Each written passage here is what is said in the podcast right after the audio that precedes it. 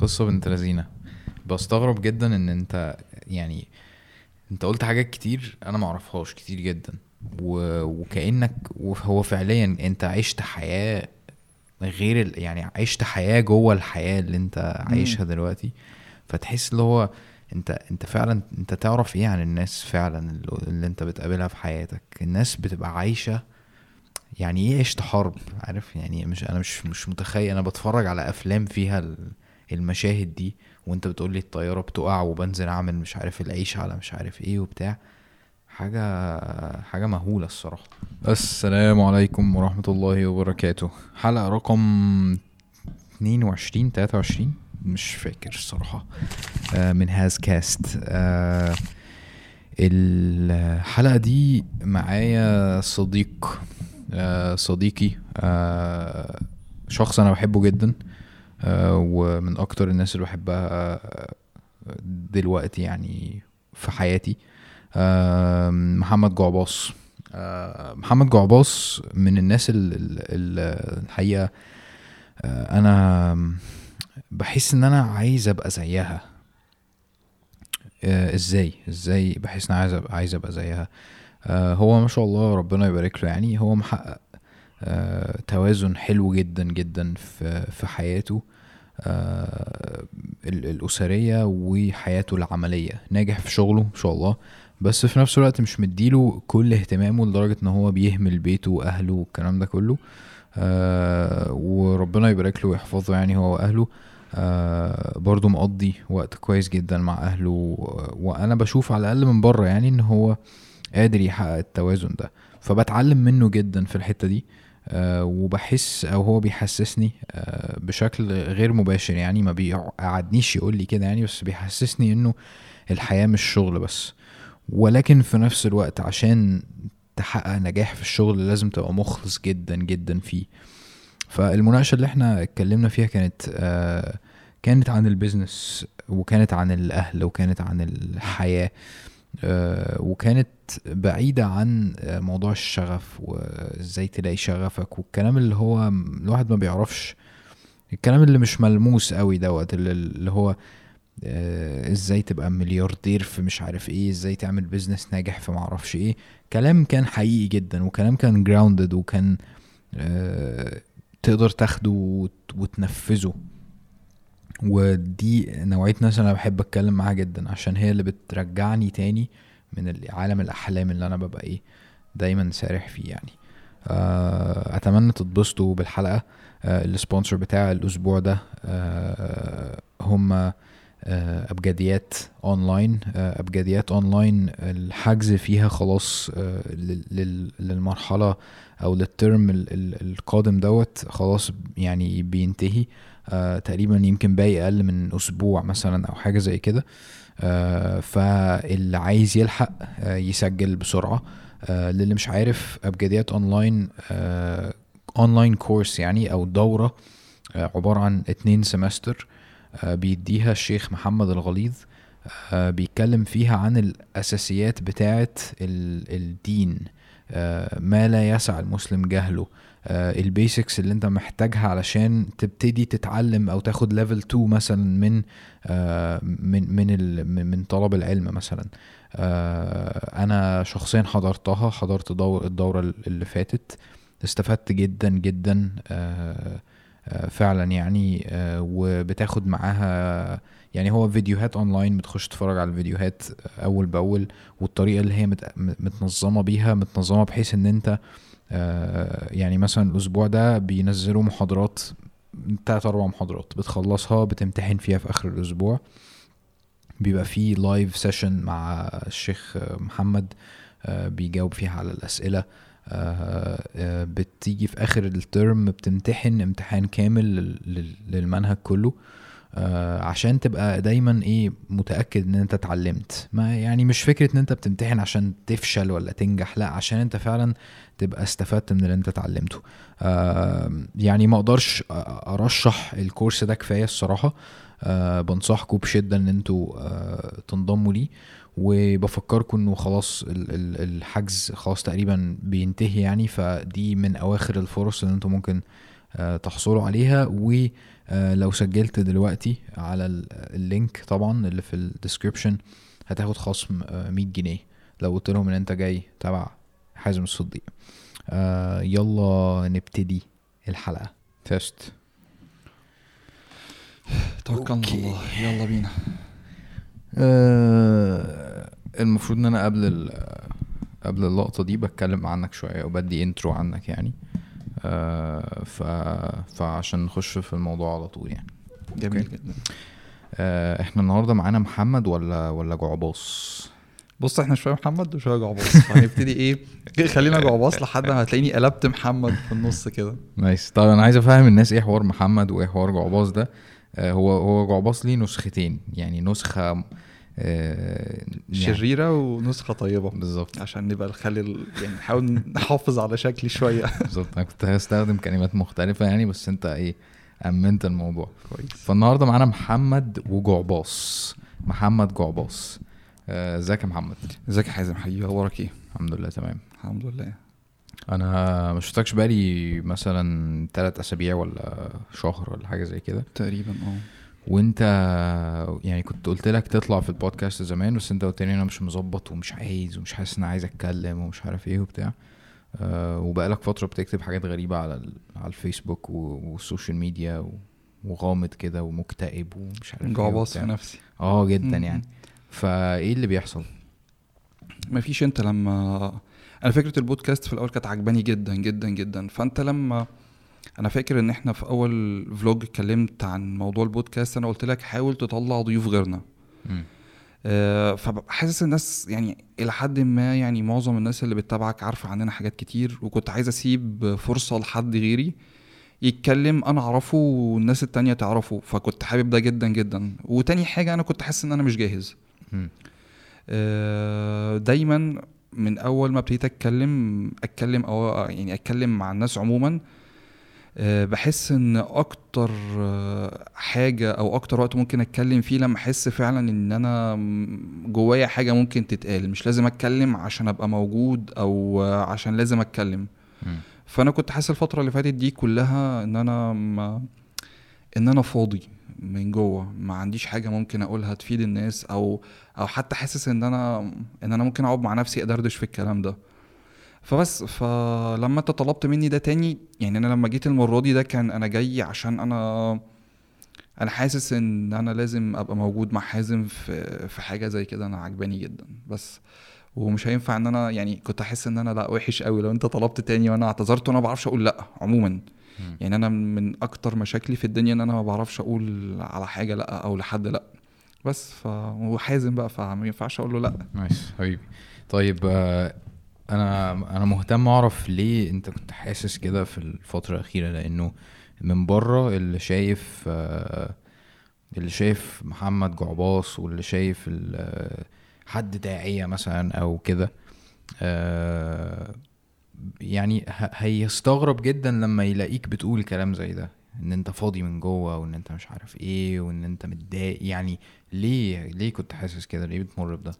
المشكلة إن الناس بعد فترة معينة وما بيبقى في عندك فولورز بعدد معين بتلاقي نفسك اتحطيت في حتة أنت ما كنتش متخيل إن أنت هتتحط فيها. وأنت في الأول وفي الآخر بني آدم عادي عندك حياتك العادية وعندك شغلك وعندك ظروفك وعندك ولادك وعندك مشاكلك وعندك إيمانك اللي بيزيد وبينقص زيك زي أي بشر. فبقيت أحس إن الناس ممكن تتصيد لك أخطائك وتكبرها قوي قوي قوي وأنت هتغلط. يعني انت هتغلط زيك زي اللي بيسمعك مش معنى ان انت قعدت وجهت له كلمة ان انت معصوم أو مش هتغلط. آه، هتجيلك فترات هيبقى ايمانك فيها عالي جدا جدا جدا وتبقى قريب من ربنا جدا وعايز تنقل الخير اللي جواك ده لكل الناس. وهتجيلك فترات فتور هتحس ان انت بتعمل الواجبات بالعافية بتزق نفسك أصلا عليها. ففي التوقيت ده لو جيت اتكلمت أنا بتكلم عن نفسي لو جيت اتكلمت أحس إن أنا منافق أو إن أنا أنا أنا يعني بقيت اتنين بقيت جعباص وبقيت محمد في نفس الوقت. فأنا يبقى بشخصية جعباص يبقى بشخصية محمد. ما بعرفش ميكس ما بين الاتنين خالص. وبحاول ان أكون صريح مع نفسي ف... فبسكت. ولما سكت آه، بصراحة ما كانش أحسن حاجة. يعني الموضوع ما كانش كويس. دايما العزلة آه، أو إن أنت يبقى ليك خلوة لو إحنا هنقول لفظ شرعي شوية يعني لو ربنا سبحانه وتعالى مش موجود فيها فعلى طول هيبقى الشيطان موجود. لو أنت مش مختلي بنفسك عشان عشان تعلي إيمانياتك عشان معتكف عشان بتذاكر حاجة بتحضر لحاجة هتلاقي الشيطان موجود دايما في الخلوة التانية أو العزلة التانية. ولما بيلاقيك ضعيف ما بيسيبكش خالص. انت انت مش قريب من ربنا سبحانه وتعالى فانت بالنسبة له فرصة. تعالى بقى تعالى ما ألعب معاك حلو جدا. فأنا لما بعدت وسكت الموضوع آه، تطور معايا. يعني أنا يعني أنا ممكن أكون قلت الكلام ده ليكوا أنتوا كشباب صحبة أو حازم بحكم قربنا من بعض يعني. فأنا هحكي الحاجات اللي ينفع تتحكي. أه لقيت نفسي بعد فترة أنا ببعد ببعد أه بقيت اثر في الشغل مش عايز أنزل الشغل. مم. ليه؟ مش عارف حابب إن أنا أبقى قاعد لوحدي أكتر شوية. الموضوع ابتدى يتطور شوية إن أنا مش عايز أزور حد من قرايبي أو أروح لماما أو أو أختلط بحد من قرايبي. الموضوع اتطور أكتر شوية إن أنا وده أنا كنت خايف من النقطة دي. يعني أنا حتى فاكر في مرة أخويا كان جوز أختي عمل عملية وإحنا المفروض نروح نزوره. أنا مش عايز وبتحجج إن أنا مش عايز أطلع وخايف. أخويا قال لي طب أنا هاجي أخدك يا عم فكك بقى من المود اللي أنت فيه ده وأنا هقعد أخدك بالعربية ونروح سوا. أنا طول الطريق خايف مش عايز أقابل حد. ولما رحت زرته ما اتكلمتش وما كنتش أنا. حتى أنت مالك؟ قلت لهم ده أنا بنام بدري وبصحى بدري وده ميعاد نومي فأنا فاصل أنا قاعد نايم. بعدها رحت لماما ما بتكلمش. مالك؟ مش مش عايز أتكلم مع حد. يعني خدت إن أنا أبقى لوحدي وحبيت إن أنا أبقى لوحدي. فده كانت مشكلة قوية جدا وكنت خايف إن هي تتطور واتطورت. إن أنا ابتديت أحس إن الموضوع ده إن أنا حتى عايز أبعد عن عن ولادي و... وزوجتي وعايز أقعد لوحدي. يعني أنا كنت دايما بحب إن إحنا على القليلة نجتمع على سفرة واحدة في اليوم على الغدا مثلا نبقى كلنا. بقيت أقول لمراتي لأ خليهم ياكلوا في أوضتهم ياخدوا الأكل ومش عايز أسمع صوتهم. ابتديت أأثر معاهم في خروجاتهم إن أنا أخرجهم حتى في ال weekend ابتدى الموضوع مش عارف ده بيحصل ليه. وكنت خايف إن الموضوع يوصل لزوجتي كمان. أول ما ابتديت أحس ده آه، مش عارف كتبت لكم على ال group إن أنا تعبان وإن أنا مش مظبوط وعايز الصح وعايز الغلط والحقوني قبل ما أبقى عايز الغلط بس. ف فانتوا اتحركتوا على طول وجيتوا لي وابتديت أحاول إن أنا أفك شوية يعني الموضوع ما فكش مرة واحدة. آه، بس ابتدي يعني في الفترة دي كلها ما كنتش بعمل حاجة صح تقريبا غير إن أنا بنزل الجيم ولو ما نزلتش الجيم يعني كنت بروح للكابتن أقول له حط عليا يعني بطلع غلي في في. التمرين بس. جوايا طاقة وعندي وعندي طاقة للاستغناء عن أي حد بصورة عمري ما وصلت لها.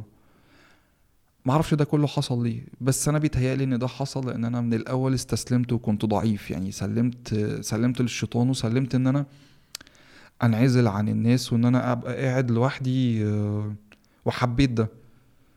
بس بعد فترة لا ابتديت أحاول إن أنا أفك شوية احاول ارجع علاقتي بكل الناس اللي أنا قطعتها وابتديت احس ان أنا زي ما انت كنت بتقول لي قبل التسجيل انت بقيت قفيش. ابتديت أقفش من حاجات أو كنت بقفش من حاجات عادي. أنت لو حطيت نفسك مكان المكان اللي قصادك الناحية التانية هتلاقي إن لأ هو ليه حق إن هو يعمل ده. أو هو لو ما جاش المكان الفلاني فهو اعتذر لك أو بلغك إن هو مش هيقدر يجي أو عنده ظرف. طب ما أنت ساعات بيبقى عندك ظروف مش معنى إن أنت عرفت تروح له في مرة فهو مطالب إن هو يجي لك. آه بس ف واحدة واحدة كده بفضل الله لا دلوقتي أنا أحسن بكتير جدا جدا جدا جدا. يعني أنا حاسس إن أنا أحسن بكتير بعلاقتي بولادي وزوجتي و بشغلي. بقيت أنزل الشغل وأتابع الشغل. أنا كان كل علاقتي بالشغل كان group الحسابات آه، بتاع الشغل وطلعت منه. يعني جت فترة طلعت من ال group. يعني ما كنتش عايز يعني يعني خلاص بقى اللي هو إيه ما بردش على التليفون. آه، غيرت رقم تليفوني. آه، ما بردش على حد ومش عايز أكلم حد. مكتفي بالدايرة الأساسية القريبة مني بس وحتى مش مديهم حقهم. مم. لا دلوقتي أحسن بكتير يعني الحمد لله رب العالمين. يعني مفيش حاجة حصلت معينة خرجتك من الموضوع؟ في كذا حاجة ورا بعض و... وأنت مع نفسك قعدت تفكر وتحسبها لحد ما فكيت؟ بص هو في يعني أول حاجة حصلت كان أمير أمير ربنا يكرمه أمير وكريم جولي البيت. لما أنا طلعت من الجروب بتاع الصحبة جولي في نفس اليوم. مم. وأمير آه، رقاني فلما قرا الرقية عليا أنا كان بقالي فترة طويلة ما بنامش و... وما باكلش. وأنا سبحان أنا مؤمن بالحسد أو بحاجة بس ما بحاولش إن أنا أسلم دماغي للحاجات دي ما أعرفش ليه. يعني عمري ما حسيت إن أنا ممكن حد يحسدني على حاجة أصلا. مم. يعني ببقى شايف إن أنا عادي جدا في كل حاجة زي زي ناس كتير. فإيه اللي عندك ممكن تتحسد عليه؟ الفكرة نفسها مش في بالي. فكان الشيخ وجدان قال لي إن أنت ارقي نفسك ما راقتش نفسي. أنا برضو مش متخيل إن أنا ممكن آه، أعمل ده أو أو في حاجة ممكن يعني لأ. أنا مؤمن بالرقية وعندي يقين إن هي أكيد. ممكن تكون سبب في علاجي أو تخرجني من اللي أنا فيه. بس لما أمير آه، رقاني آه، لقيت نفسي لأ تاني يوم نمت. أنا بنام وباكل. بس. ف فده كان حاجة من الحاجات اللي خرجتني إن أنا حسيت إن هي فرقت معايا جدا جدا يعني. سبحان الله. Okay. أنا ب... أنا بشوف إن ال يعني إحنا إحنا مش عارف ال- ال mood اللي أنت دخلت فيه خلينا نقول عليه حسد وايا كان أو اكتئاب أو أي حاجة يعني. آه بس مش مش هنكر أو أو مش ه مش ههرب إن هو ما جاليش يعني أنا برضو بيجي الحوار ده ويمكن جاي لي الأيام دي. ففكره إن أنت بتحس إنك منافق وفكره إن أنت بتحس إن أنت طب أنا بقول حاجة وممكن ما أكونش بعملها. أنا بحاول على, على قد ما أقدر مع ده ما يحصلش يعني. وده بيأدي بيا إن أنا زي ما أنت قلت ما بتكلمش أصلا عارف؟ اللي هو لو جات لي فترة أنا داون فاهم؟ هسكت خالص عارف؟ آه بس أنت في الآخر آه للأسف وبقول, وبقول للأسف مش عشان هي حاجة وحشة بس عشان آه هي بتأدي بيك بقى إن أنت تقعد إيه تفكر التفكير ال- الوحش ده أنت داعية في الآخر صح؟ أكيد أه. وفي الزمن اللي إحنا فيه أو نتيجة اللي حاصل انت اتصدرت. كويس. وانت يمكن تكون حاسس دايما انك مش جاهز وان انت مش أهل لده. بس واقعيا هو مفيش حد دلوقتي. فانت لابس فعلا. بص أنا كنت مع شريف علي من امبارح. كنت معاه. شريف عمل معايا حاجة جميلة جدا. كنا في درس لشريف وشريف خلانا أتكلم في آخر الدرس كده. أنا كنت بقول له أنا مش عايز أتكلم. لأني برضه حاسس إن أنا مش جاهز إن أنا أتكلم. أنا كنت رايح عشان أقعد مع شريف وعشان أحضر درس شريف. ف استقبال الشباب ليا هو ما كانش قايل لهم إن أنا جاي. استقبال الشباب ليا من استقبالهم وأنا انبسطت. يعني حسيت إن أنت لا أنت في أهمية للح... مش أهمية أنا مش مهم. بس الحاجة اللي أنا بعملها مهمة. فاهمك جدا. فأنت محتاج إن أنت تتعب شوية عشان تقدم الحاجة دي. وفي كل حد يعني مفيش حد في شغلانته أو حاجة يعني مفيش حاجة سهلة من الآخر يعني مفيش حد هيعمل حاجة ويلاقيها سهلة. وبالذات إن موضوع الدعوة زي ما أنت بتقول ال- اللي متصدرين له قليل جدا فأنا زعلت إن أنا إن أنا بعيد بصراحة وحسيت قد إيه إن أنا كنت محروم. يعني أنا ما كان لأ مش أنا مش بمزاجك. أنت الله. حسيت إن أنا اتحرمت إن أنا ممكن أتكلم أو إن أنا أقدر أتكلم فده حرمان. بذنب أكيد بذنب. أكيد بحاجة أنت عملتها. وكانت هي السبب في اللي أنت حصل لك ده. فلا ناوي إن أنا أرجع أرجع أقوى بكتير جدا كمان من الأول. أو الله أعلم مش هرجع أقوى لأن أنا طول عمري ما كنت يعني أنا كنت كتبت من فترة post إن أنا كنت حاسس إن أنا مش مؤثر ومش عارف إيه. أنا عمري يعني أنا عدد ال views عندي عموما ما عنديش فيديو غير مثلا فيديو أو فيديوهين اللي عدوا ل 10000 وصلوا مم. 30 40 50 في واحد بس اللي وصل ملايين وده ما كانش بسببي كان بسبب ال- الضيف اللي كان معايا. آه، إنما أنا عموما أنا فرحان إن أنا في الحتة دي. ما عنديش مشكلة. أنا مش أمير منير.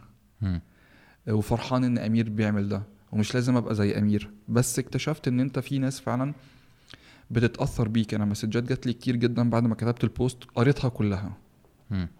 قريتها كلها. أنا لما كتبت ال post بتاع إن أنا يعني أنا مكتئب جات لي messages من دعاة كتير جدا تقال جدا عمرنا ما اتكلمنا مع بعض. ما كنتش أعرف إن هم عارفيني أصلا. مم. حسيت إن في support قوي جدا اللي هو ما تقعش. مم. لسه في نفس ممكن تكمل لحد آخر السباق حد بيزقك. آه، ناس معرفهاش ناس بعتت لزوجتي. آه، فحسيت إن لأ يعني أنت لسه عندك ال power إن أنت تقوم وتكمل و... وإن الخبطة أو الوقعة اللي أنت وقعتها وقعتها دي مش هقول لك إن هي هترجع أقوى لأ بس هرجع يعني هرجع وهكمل. وأنا كنت كتبت يعني أنا حتى أنا دبست نفسي أنا مش جاهز إن أنا أعمل السيرة.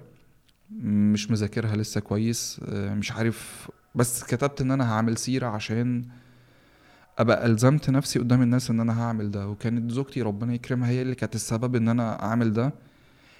قضية التسويف إن أنا هعمل إن أنا لما أبقى جاهز فلأ خلاص إلزم نفسك إن أنت هتعمل قول للناس إن أنت هتعمل. تعمل بقى بعد شهر بعد شهرين بس على إيه حتى يبقى ربنا سبحانه وتعالى رأى من نيتك أو أو أو يعني في فعل حصل الموضوع ما ما اقتصرش على مم. في عمل أنت خدته شبر خطوة أي حاجة لأ يعني بس وفعلا أنا حاليا إن أنا بجهز إن أنا أعمل السيرة وهعملها إن شاء الله. وهعملها بشكل أكاديمي يعني مش مش أنا يعني مش مش بطريقتي. أحاول إن أنا أمسك كتاب وأقول للناس يعني أنا في مرحلة دلوقتي بفاضل م- اني كتاب ممكن إن أنا أعرف أشرحه ويكون سهل ويكون ملم بالسيرة من قبل مولد حلو النبي جدا. حلو قوي ب- بمولد النبي باسم النبي ب-. بحياة النبي كلها بتفاصيل حياته وأحاول آخد من حياة النبي وأسقط على على على حياتنا حاليا وأحاول أربط ما بين ده وما بين ده. ما عنديش تصور لمدة الحلقة هصور بالموبايل عشان أنا كنت دايما بحب كاميرات ومش عارف إيه بس الموضوع ده بيعطل. صح. فلا هحط الكاميرا قدامي بتاعت الموبايل وهصور واللي يطلع يطلع وبعد كده أنا همنتج ب application كده أشوف اللي ممكن يتمنتج ما فيش منتجة مش همنتج. وهبتدي بقى وهقول للناس إن أنا بشرح من الكتاب الفلاني بحيث إن الناس تبقى ورايا عارفة إن هي خلصت كتاب. نزلها صوت برضو. بص أنا مش شاطر في الحاجات دي يعني مش شاطر اللي عايز يرفع صوت بقى يعني أنا ما عنديش حاجة على ال SoundCloud بس في حاجات ناس منزلها لي. ما عنديش مشكلة أي حد حاجة أنا بعملها ينزلها المهم إن هي تبقى موجودة أنا متحمس جدا للحوار ده لأن أنا فعلا ب... يعني ما باجي أفكر إيه الكتاب اللي ممكن أقراه يلخص لي حياة النبي صلى الله عليه وسلم طب إيه. إيه الحلقات اللي ممكن أتفرج عليها عشان تلخص لي ده أنا برضو في حاجز بشكل ما بيني وبين إن أنا أدور على اسم شيخ معين وأخش ويقعد يتكلم بطريقته بالراحة اللي هي بتاعت الناس اللي هي إيه ال- ال- الطلبة عارف؟ آه، فأنت أنت هتسد حاجة قوية جدا. أنا محتاجها أصلا. يعني أنا أصلا عايز آه، علاقتنا بالنبي صلى الله عليه صلى الله وسلم عليه وسلم. آه، بندعي إن إحنا بنحبه. أنا بقول بندعي لأن دي حقيقة فعلا. لأن أنت لو جيت بصيت النبي فين من حياتك مش موجود في. تصرفاتك ولا في شغلك ولا في دراستك ولا أي حاجة أنت بحبه. طب ولا بتصلي عليه.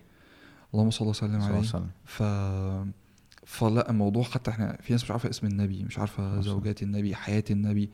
التفاصيل الصغيرة وقفات النبي مع الصحابة تعامله مع غير المسلمين تعامله مع النبي التاجر النبي مع في بيته النبي مع الصحابة. لا في حياة يعني حياة النبي فيها جوانب كتير محتاجة تتغطى وتتغطى بكتاب يعني أغطيها بكتاب بحيث إن لو حد ما شافش حاجة يقدر يرجع للكتاب يعوض الحلقة. وأنا دايما بحب أحضر من كتب أكتر من فيديوهات. مم.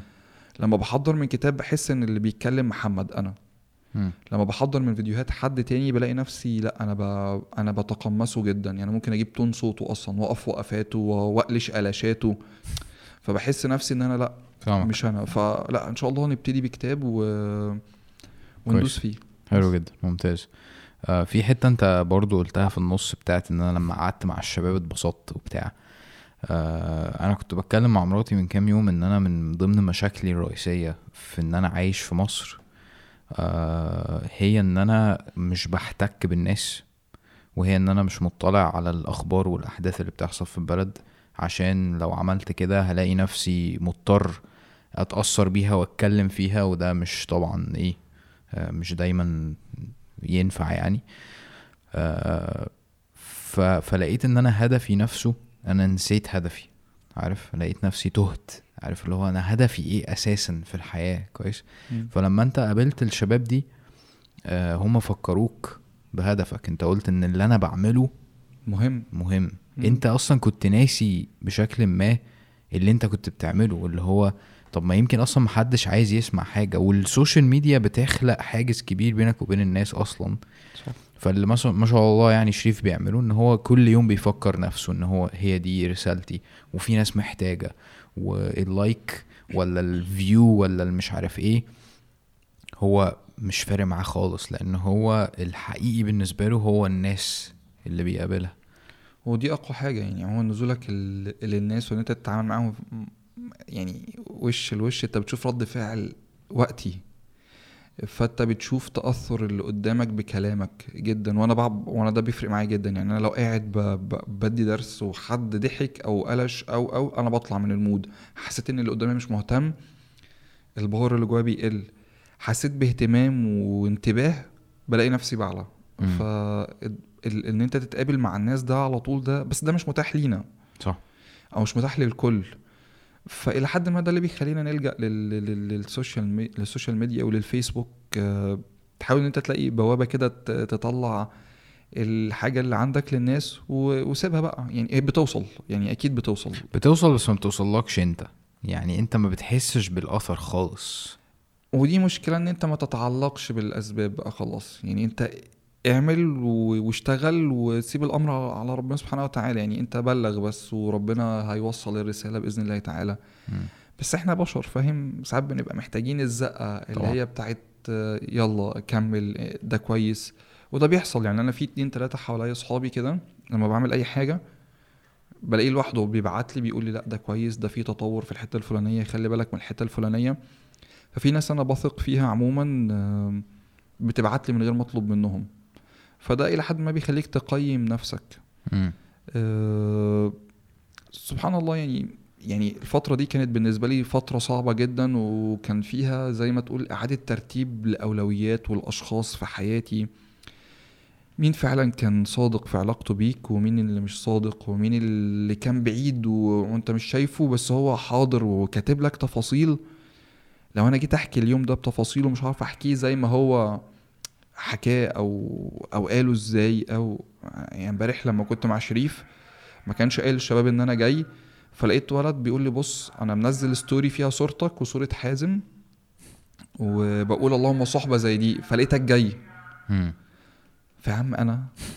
فسبحان الله يعني فالموضوع أكيد هيفرق هيفرق هتفرق هيفرق معاك أنت شخصيا قبل أي حد وهتجيلك رسائل في النص من ناس مهمة جدا. الصوت ده طالع معانا؟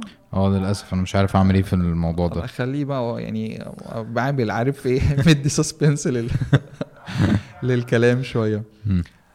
بس فالشيخ مهاب لقيته في مرة بعت لي رسالة بيقول أنت مش هتشتغل لربنا تاني بقى ولا إيه. فبحس إن أنت كل فترة كده في ما بين حد بيفوقك وحد بيشد ياخد بإيديك وحد بيقول لك إن أنت كنت موجود أنت فين. أنا فاكر جيت في سنة عملت فيديو أنا عملت إيه في السنة دي مم. آه، حصاد السنة كده قعدت فيديو فيسبوك؟ أنا آه فيسبوك فلقيت نفسي عامل عامل حاجات ليا وعامل حاجات مع محمد صلاح وعامل حاجات مع الشيخ مهاب وعامل حاجات مع الشيخ وجدان وعامل حاجات مع نفسي وعامل حاجات مع الشباب كانت سنة مليانة جدا جدا جدا جدا فحسيت إن الحاجات دي تخيل إن الحاجات دي كلها اتحطت في صحيفتك مم. وأنت عملت العمل ده أصلا ونسيته ف... فكنت مبسوط جدا بالسنة دي. بعدها السنة اللي بعدها مثلا عملت فيديوهين ثلاثة أربعة بالكتير جدا يعني فاهم؟ الفترة دي برجع إن أنا أحاول إن أنا أرجع تاني زي الأول إن شاء الله بإذن الله تعالى. كويس. ال- اللي أنت قلته ده دخلة حلوة جدا للي أنا عايز أتكلم فيه دلوقتي. إنه في ناس يعني اللي كان بيتفرج على ال vlogs بتاعتي أكيد عارفك وعارف إن إحنا عملنا adventures مع بعض ويعني عشنا حياة طويلة في ال في, ال. في ال vlogs دي وبتاع. آه ولما دخلنا مش عارف ال- المكان اللي في اسكندرية دوت وانت قفشت الشباب من. الحفلة وبتاع. آه فاللي أنا عايز أعمله إن أنا عايز أعرف الناس عليك أكتر. كويس. إحنا نعرف بعض من قبل ال- الصحبة وقبل الحوارات دي. أيام استبرق بدأت و... وكنا بنتقابل زمان قوي في ال... في ايفنتس مثلا أو في حوارات زي دي. آه وال... وأنا ما أنا ما كنتش بحبك الصراحة. الحمد لله.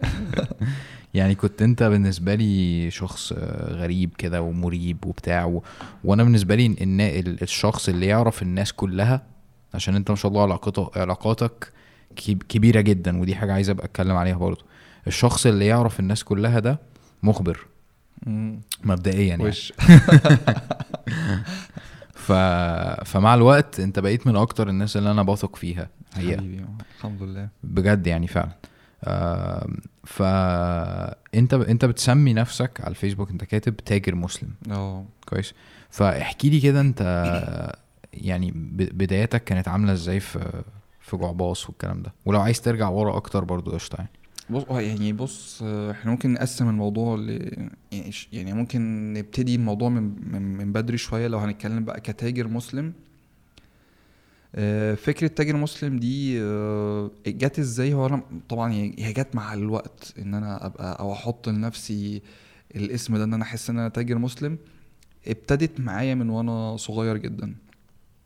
نرجع بالناس ورا شوية. مم. نركز بقى عشان الموضوع بقى مهم جدا. دخلنا كده إيه في الجد. أنا كنت عايش في الكويت مواليد الكويت أصلا. عايش في عيلة عددنا كبير. آه، أنا أصلا الناس ما كانتش تعرف يعني جعباص أنا أصلا فلسطيني ومؤخرا خدت الجنسية المصرية فبقيت مصري دلوقتي. ألف مبروك. آه، الحمد لله. شرف كبير. الحمد لله. كلنا بنتمناه وفخورين بيه. الحمد لله. ف فأنا أصلا فلسطيني وكنت عايش في الكويت اتولدت في الكويت ودرست في الكويت. حصل في الكويت حرب الخليج حرب العراق والكويت فأنا حضرت الحرب دي. فأنا كنت عايش حياة قبل الحرب حاجة وبعد الحرب حاجة وجوه الحرب حاجة. إحنا حضرنا الغزو كله. يا. ف... فابتدت شخصية التاجر المسلم لما بقعد أرجع بقى أرجع بال أنا إيه إيه اللي, إيه اللي يخليني تاجر وإيه اللي يخليني ده؟ وأنا ما اخترتش لنفسي ده وما كنتش عايز أبقى ده. بس ساعات ربنا سبحانه وتعالى بيصنع فيك حاجات من وأنت صغير الحاجات دي هتنفعك قدام. لما حياة الحرب حياة محدش يتمنى إن هو يعيشها تماما. يعني أنا كنت طفل صغير في التوقيت ده كنت 8 أو 9 سنين. وشاب أو طفل صغير عايش على الشوكولاتات والعصاير. هي دي حياته والحلويات. أنا بحب الحاجات دي جدا. مرة واحدة تلاقي نفسك اتحرمت من كل ده. عايش بدون مية بدون كهرباء بدون آه، عيش حتى. ما فيش عندك أبجديات الحياة. أنت عايش في حرب. بتصحى على صوت طيارات وصوت ضرب نار وصوت آه، يعني كمان الحتة اللي أنا كنت ساكن فيها في الكويت كانت قدامنا ملعب كورة وجنبينا آه، جراج كبير وقدامنا ثلاث مدارس. فالقوات العراقية جت خلت المدارس دي أماكن لسكن الجيش وحطوا حفروا خنادق لمضاد الطيارات في الملعب وفي الجراج اللي جنبينا. انت كنت في قلب الحوار يعني. في قلب الحوار فلما كان الطياره بتعدي أو حاجة ويضربوا عليها كان البيت عندنا فعلا بيتهز Yeah. ويترج وفي تبقى خلاص بقى بتشوف الطيارة وهي بتقع في ال- في البحر و... يا في الأول كنت ببقى خايف جدا حياة غريبة جدا جدا جدا. أنا فاكر إن إن إحنا أنا بقول لك إحنا عددنا كبير إحنا تسعة إخوات. إن شاء الله. وبابا وماما فإحنا 11 شخص عايشين في نفس البيت. فكنا بالليل لما بنيجي ننام كنا بننام بالشوز وماما تقول لي قول أشهد أن لا إله إلا الله. إحنا مش عارفين إحنا هنصحى. احساس إن أنت هتموت ده مم. وارد بالليل تقع حاجة عليك الطيارة دي تقع على البيت أصلا. حد يضرب حاجة على الناس اللي جنبينا فتيجي فينا إحنا. حياة مهددة تماما. وأنت طفل مشاعرك مضطربة ومش عارف إيه اللي بيحصل ومش مدرك إيه اللي بيحصل. أه بعد فترة تأقلمنا على ده وتعايشنا مع ده. أنا فاكر إن إحنا كنا بنلم الخشب من الشوارع عشان نعمل فرن ماما تخبز يا عيش والعيش يبقى فيه لسه حتة شعير والشعير مطحون ب... ب... بال... بال... بال... بحجرين. حياة بدائية جدا. تاخد رباط الشوز بتاعك وتحطه في لمبة الجهاز عشان تنور حاجة تعرف تشوف بيها. وجود الجهاز ده أصلا كان يعني نعم كتير الواحد عايشها واتلفها فلما. ترجع تعيش الحياة دي آه، كانت حياة صعبة جدا جدا إن أنت تعيش من غير كهرباء من غير أكل من غير من غير غاز من غير مفيش حياة أصلا. بس كنا متعايشين يعني إلى حد ما لحد لما خلصت ال- ال- الغزو. وابتدت الفترة اللي بعدها آه، الدنيا تتفتح شوية بس مفيش شغل. يعني أنت كنت كل ده في الكويت؟ في الكويت آه مفيش شغل في البلد. فأنت محتاج تعمل أي حاجة عشان آه تعرف تعيش. فابتدينا في التوقيت ده ماما تجيب شوية حاجات وتبيعها في السوق. فأنا كنت بنزل أفرش مع ماما في السوق نبيع حاجات بقى شيبسيات وبيبسي و ونجيب lunch box كده ولا ice box كبيرة ونحط فيها تلج ونحط فيها البيبسي والحاجات دي وتبتدي تبيعها للناس. آه وكنا ابتدت الفرونت تشتغل فالطابور بتاع العيش كان طابور ملوش نهاية يعني. فإحنا كنا بننزل من الفجر وكل واحد بيبقى ليه خمس ترغفة فكانت ماما بتوقف إخواتي البنات كلهم. وأنا كنت في التوقيت ده بستناهم. أنا كنت طفل فما كانش ليا دور معرفش أخش ولا آخد أي حاجة فكنت بفرش جنب ال- الطوابير دي أحط كرتونة وأحط عليها حاجة زي زي البوز وكده بيتباع ب 50 فلس على ما هم يخلصوا يجيبوا العيش الطابور الطويل اللي إحنا بننزل من بالليل نرجع الصبح عشان نجيب عيش. فابتدت تتشكل جوايا لا أنت بتتعامل وبتمسك فلوس. وأنا طفل صغير أنا كنت ببيع حاجة نفسي أكلها أصلا. فده كان بالنسبة لي إحساس متضارب إن أنت أصلا كنت بتشاور لباباك على على ده أنا عايز ده. آه، دلوقتي أنت مطالب منك إن أنت تقعد تبيعه لطفل تاني زيك هيجي يديك الخمسين فلس فتديها له فتحط الخمسين فلس على الخمسين فلس يبقوا مية فلس عشان تروح البيت بفلوس على ما اخواتك يخلصوا. ابتدت حاجات كده تحصل. أنا مش عارف ده بيحصل ليه. بس أنا ظروفي حطت حطتني في الحتة دي. واتعاملنا. و... وابتدى يبقى في تاجر صغير كده. آه، كان عندي مشكلة في الإنجليزي من وأنا صغير عموما يعني بمناسبة ال... إيه المشكلة دي؟ ابتدت بسبب الحرب أصلا. أنا كنت في مدرسة خاصة كنت في أولى ابتدائي. لما حصلت الحرب آه، ادونا السنة اللي بعد ما الحرب خلصت ضموا سنتين على بعض. كان ال term الأولاني أخدت تانية ابتدائي وال term التاني خدت تالتة ابتدائي. جيت مصر على رابعة ابتدائي. يا فطبعا السنة اللي اتضمت دي ما خدناش فيها حاجة. كانت المدارس أصلا مكسرة والمعامل مكسرة وأنا كنت في مدرسة خاصة دخلت مدرسة حكومة والدنيا يعني أنا كنت بالنسبة لي إيه ده أنا أروح من غير uniform إزاي؟ أروح من غير شنطة إزاي؟ هي سنة عدت وخلاص. جيت هنا أنا كنت واخد بقى يعني ما خدناش كل الحروف بتاعت الإنجليش أصلا. في أولى ابتدائي في الم... لأن الدراسة هناك الإنجليش برضه بيتاخد من إعدادي زي هنا. هناك بيقولوا عليه متوسط. فالمفروض إن بيبقى التعليم في المدارس الخاصة الإنجليزي في المرحلة الابتدائية حاجات بسيطة بحيث أنت تبتدي من إعدادي تبتدي الموضوع يقوى معاك شوية. جيت هنا دخلت المدرسة فلقيت بقى الموضوع متطور جدا. يعني لقيت في حاجة في الحساب اسمها اسم مطولة. وأنا أصلا بجمع على إيدي لسه. واحد أحط الكبير في, في والصغير على إيديا وأقعد أجمع. لقيت لقيت صحابي بي بيقروا ويكتبوا انجليزي وأنا ما فيش أصلا. أنا فاكر المستر في أول يوم دخلت لقيته واحد واحد بيقوم يقرأ من الكتاب ف... فأنا مش عارف واقف خايف واصلا عشان أدخل الفصل في مصر مم. كنت داخل المدرسة متأخر فكل واحد قاعدين اتنين جنب بعض فكل ما أجي عند desk عايز أقعد؟ يقول لي لا إحنا ما بنقعدش تلاتات ما بنقعدش تلاتات. فين وفين بقى؟ لحد ما واحد صاحبي اسمه محمود إحنا صحاب لحد النهارده. قعدني جنبه وابتدى يمليني بقى والمستر بيخليني أقرأ وأنا مش عارف عملت ومحمود يقول لي كلمه فأقول. فالمستر قام قايل لي repeat after me فأنا افتكرت إن الكلمة اللي قدامي هي. قمت قايل repeat after me طبعا. ضحك السنين يعني. من يوميها لحد النهارده أنا عندي مشكلة إن أنا أصلا الحرب أثرت حتى على تعليمي. بس كان كل ده بالنسبة لي أنا بتعامل معاه وعايش ومش عامل لي مشكلة كبيرة. وكأن ربنا سبحانه وتعالى بيعدك لحاجة أنت مش عارف إيه هي. الموضوع ابتدى آه، خلاص نزلنا مصر آه، أمي ربنا يبارك لها آه، خدنا محل صغير جنب البيت عندنا كده. كنت أنا ساعتها في كنت في يعني في مرحلة إعدادي كنت بنزل أشتغل. يعني في يعني أنا كنت رابعة ابتدائي خمسه ابتدائي بعد كده خلاص دخلت أولى نزلت اشتغلت اشتغلت عند بتاع فراخ جنب البيت وأنا من منطقة شعبية أصلا أنا من المطرية. فكان في الشارع عندنا حد فاتح محل فراخ كده فكنت بنزل أشتغل معاه عشان أحاول أجيب آخر ال- الأجازة ثلاث شهور أجيب الشنطة والبنطلون وقميص المدرسة وجزمة المدرسة أبقى زي صحابي اللي في المدرسة الخاصة اللي مستواهم إلى حد ما كويس. مم. إحنا العدد الكبير وإن إحنا أسرة كبيرة بيخلي حتى ايا كان الدخل صح. بيتقسم على تسعة طبعا. ومدارس خاصة ما كانش متاح لينا مدارس حكومية. فأنا كان من من صغري وأنا حاسس إن أنا في مسؤولية عليا إن أنا أعرف إن أنا لازم أجيب قرش لنفسي. عمري ما طلبت إن أنا أطلع رحلة. آه، فكرة إن أنت بقى تاخد سندوتش لانشون دي كانت بتبقى في المواسم فاهم؟ فكانت الدنيا مش أحسن حاجة بس كانت مستورة وكانت عايشة وكنا شغالين وكنت مبسوط بده جدا. أنا فاكر لما يعني عارف أنت طفل تنزل الصبح الساعة 7 الصبح لأن محلات الفراخ بتشتغل أنا كنت أصلا ما بحبش أروح أجيب فراخ لما ماما تبعتني فأنت مم. تشتغل عند بتاع فراخ مين أنت ح- يعني حصلت على الشغلانة دي إزاي إيه، أخويا قال له أنا معايا أخواتي رحت أنا وأخويا الأصغر مني شاكر أخويا الكبير راح قال للراجل مش محتاج في الصيف إحنا في المناطق الشعبية كل الناس بتشتغل مش أنا لوحدي. يعني معظم الشباب اللي من سني اللي بيشتغل عند بقال واللي بيشتغل عند حلاق واللي بيشتغل أي حاجة في الصيف اللي بيشتغل نقاش أي حاجة بيشتغل مع سباك يعني الناس اللي في المناطق الشعبية اللي سامعانا هم بيعملوا كده أصلا يعني. مم. ففي الصيف ده ده ال activity بتاعتنا إن إحنا نروح نشتغل نحاول نعمل أي حاجة نستفاد بيها يعني. ابنك عارف الحوار ده؟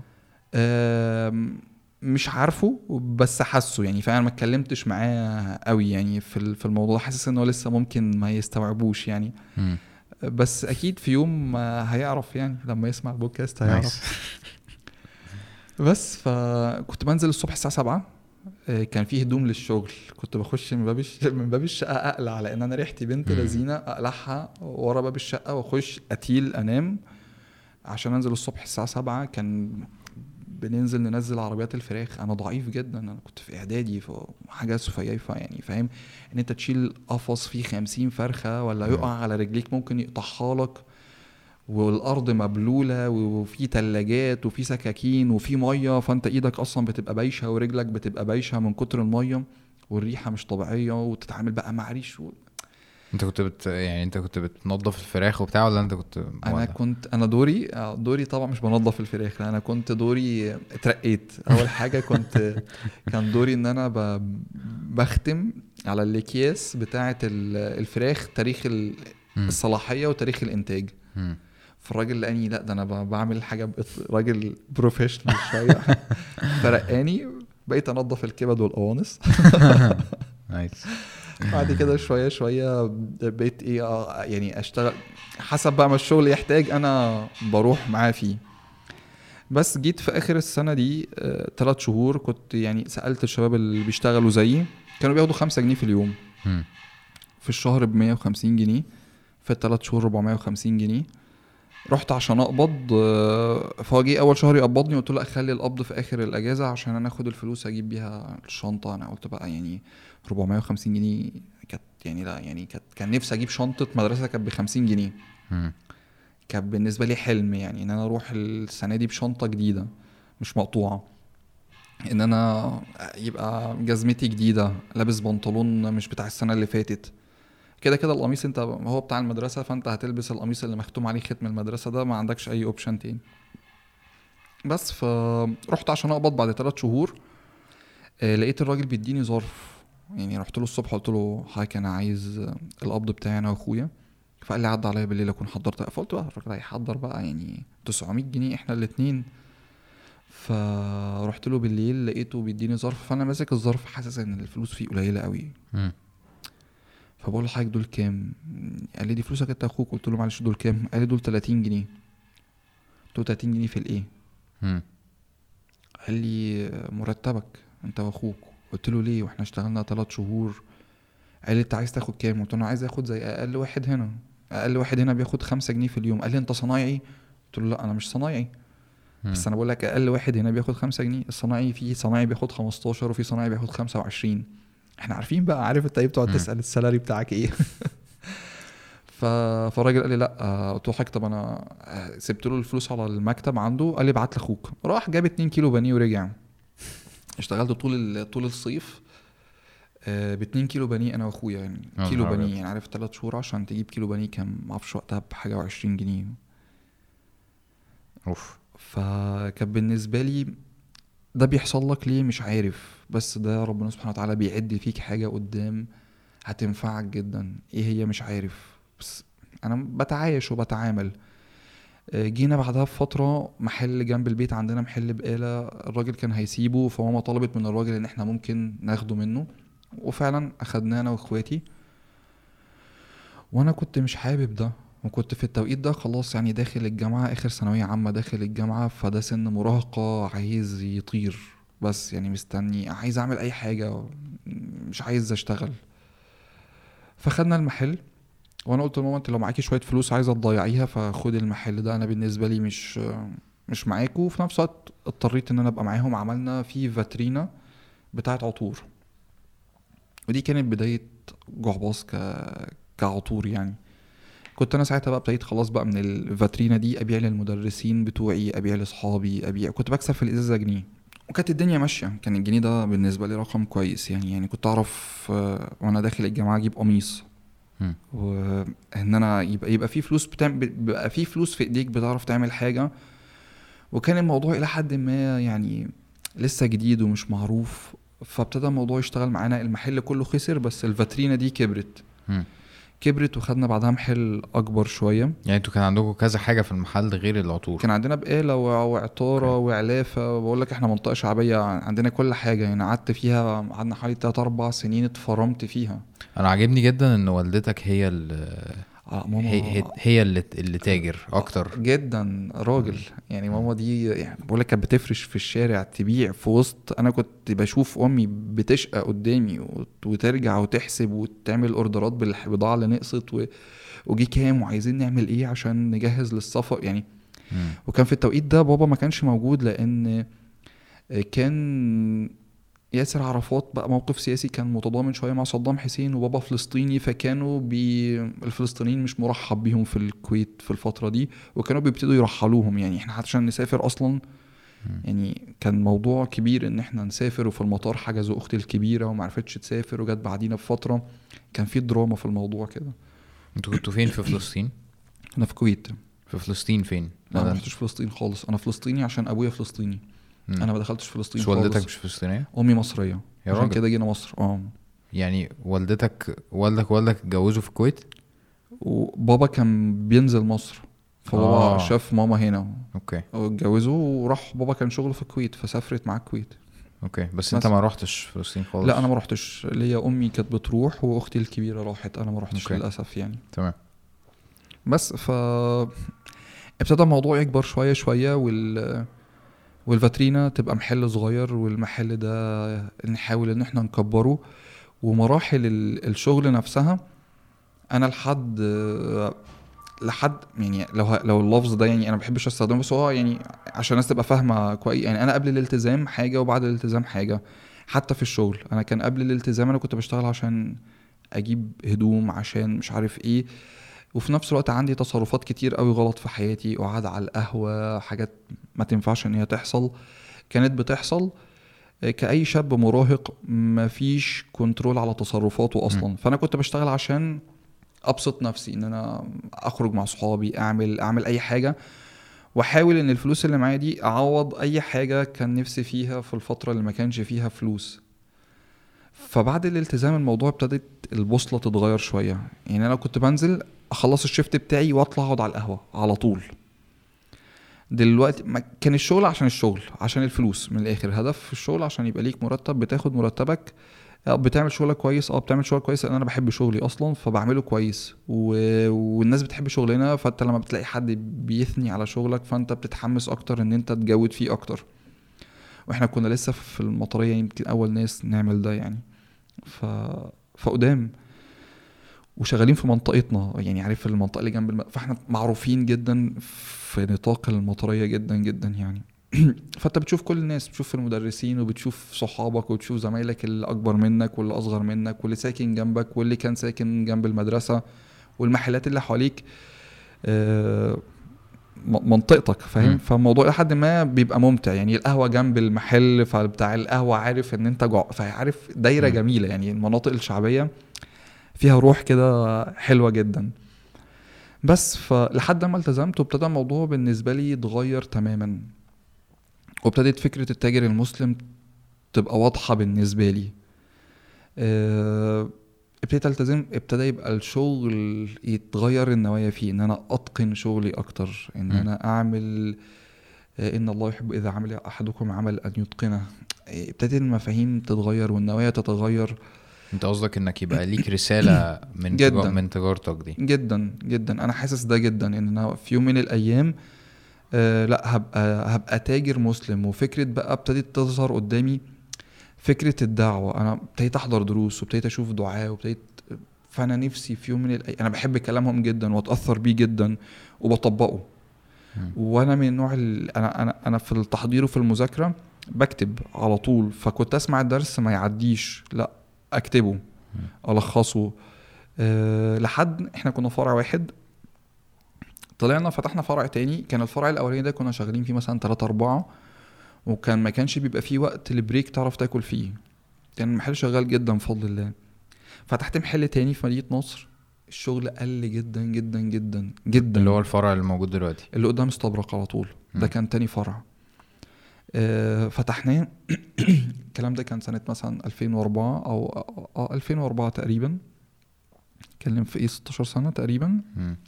تقريبا هو في الحدود دي. فتحت المحل وبعد ما فتحته أنا راجع من مكان مش عارف آخد وقت عشان آكل اليوم ببيع فيه ب 8 جنيه.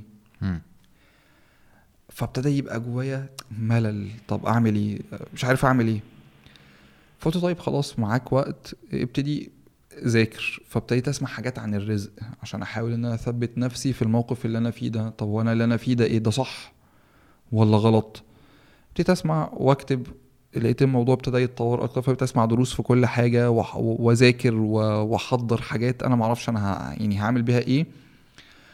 وابتديت قلت طيب أنت طول عمرك كان نفسك إن أنت تطلب علم شرعي بس ما كانش بيبقى فيه عندك وقت. طب مش يمكن الوقت ده ربنا فرغك ليه عشان تطلب علم شرعي؟ فرحت قدمت في معهد آه، عشان أدرس علوم شرعية. وابتديت أدرس وأشتغل وأذاكر وأنا في الوقت بتاع المحل الفاضي اللي أنا قاعد فيه. بعد كده آه، المعهد ده اتقفل رحت التحقت بمعهد تاني معهد معلمي قرآن بيعدك إن أنت تبقى معلم قرآن. وكنت شاطر فيه فالشيخ بتاعي رشحني إن أنا أعلم الأطفال في ال... في أجازة الصيف فابتديت أدرس وأدرس. آه، كانت فترة بالنسبة لي كويسة جدا. وابتديت في الفترة دي حياتي كلها تتغير. وابتديت أحس إن أنا على في في مسؤولية جدا عليا إن أنا ابقى أبقى تاجر بدعو ربنا سبحانه وتعالى من خلال شغلي. كويس. فكان ال- دعوتي ابتدت من هنا. اللي مم. كان يخش المحل أحاول إن أنا أبقى مسلم معاه. بس عارف أنت لو تعاملت مع الناس بإسلامك بإن أنت مسلم صدرت دي جدا وحسيت إن أنت مسلم معاملتك ليها تتغير جدا جدا جدا. فبقيت أحاول. لو في واحدة دخلت اغض بصري عنها تحس بأمان جدا وهي داخلة. تحس يعني تحس داخل عليك؟ دي أختك أمك بنتك. حد منك فهي لما تخش المكان وتحس إن ال- المكان ده آمن. أنا. حاسة إن أنا مطمنة. أنا مش مش حاسة إن أنا ممكن حد يخوني بنظرة حد يخوني بكلمة. عارف الحاجات دي بتأذي البنات جدا جدا جدا جدا. ممكن النظرة تأذيها بكتير عن عن كلمة كمان يعني. طبعا. فهي لما تحس إن هي في دايرة أمان فابتدى الموضوع بالنسبة لي أحس إن أنا في لأ في في نتيجة للي أنا بعمله. ابتدى يبقى في علاقتي بالزباين ابتدت تتطور. لأن إحنا نبقى اصحاب إن يبتدوا يحكوا لي مشاكلهم. أمهاتهم تيجي تتكلم معايا ده أنا ابني عمل ما تتكلم معاه. فلقيت نفسي في في في فترة صغيرة كده لأ الموضوع تحول لدعوة فعلا من جوه المكان. أوزع مطويات صغيرة. آه، أيام الشرايط فكنت بدي شرايط آه، لل- للشباب اللي بيجولي آه، الموضوع كان بالنسبة لي دين. يعني أنت أنت. بتعمل شغلك و... وفي عندك هم إن أنت تبقى داعية. داعية إزاي بقى؟ دي مش عارف ومش فارقة معايا. بس على القليلة جوه المحل عندي في الكام متر اللي أنا أمتلكهم دول ابقى ابقى أبقى داعية.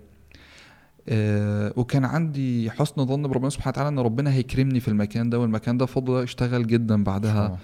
وبقى زيه زي المكان الأولاني وفتحنا محل تالت وفتحنا محل رابع وخامس وسادس بفضل الله. الموضوع بيكبر.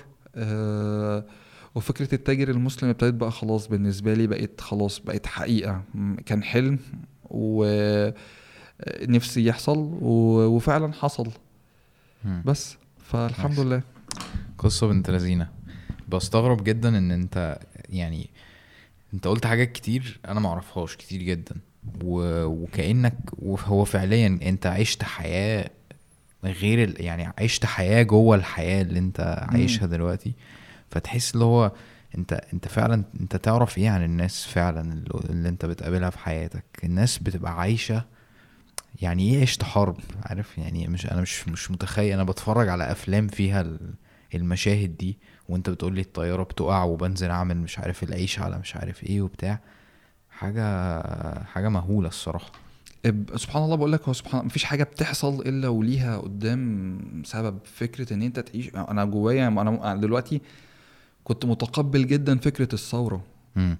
إن يعني ابتدينا حتى إحنا في البيت عند ماما نبتدي نتعامل معاملة الحرب إن إحنا نجيب دقيق والله العظيم نجيب شوية دقيق ونشيلها عندنا عشان ممكن الكهرباء. تقطع يحصل حاجة فيبقى ماما ترجع تخبز تاني ويبقى عندنا. التموين بتاعنا آه والله خلاص بقى عندنا ال...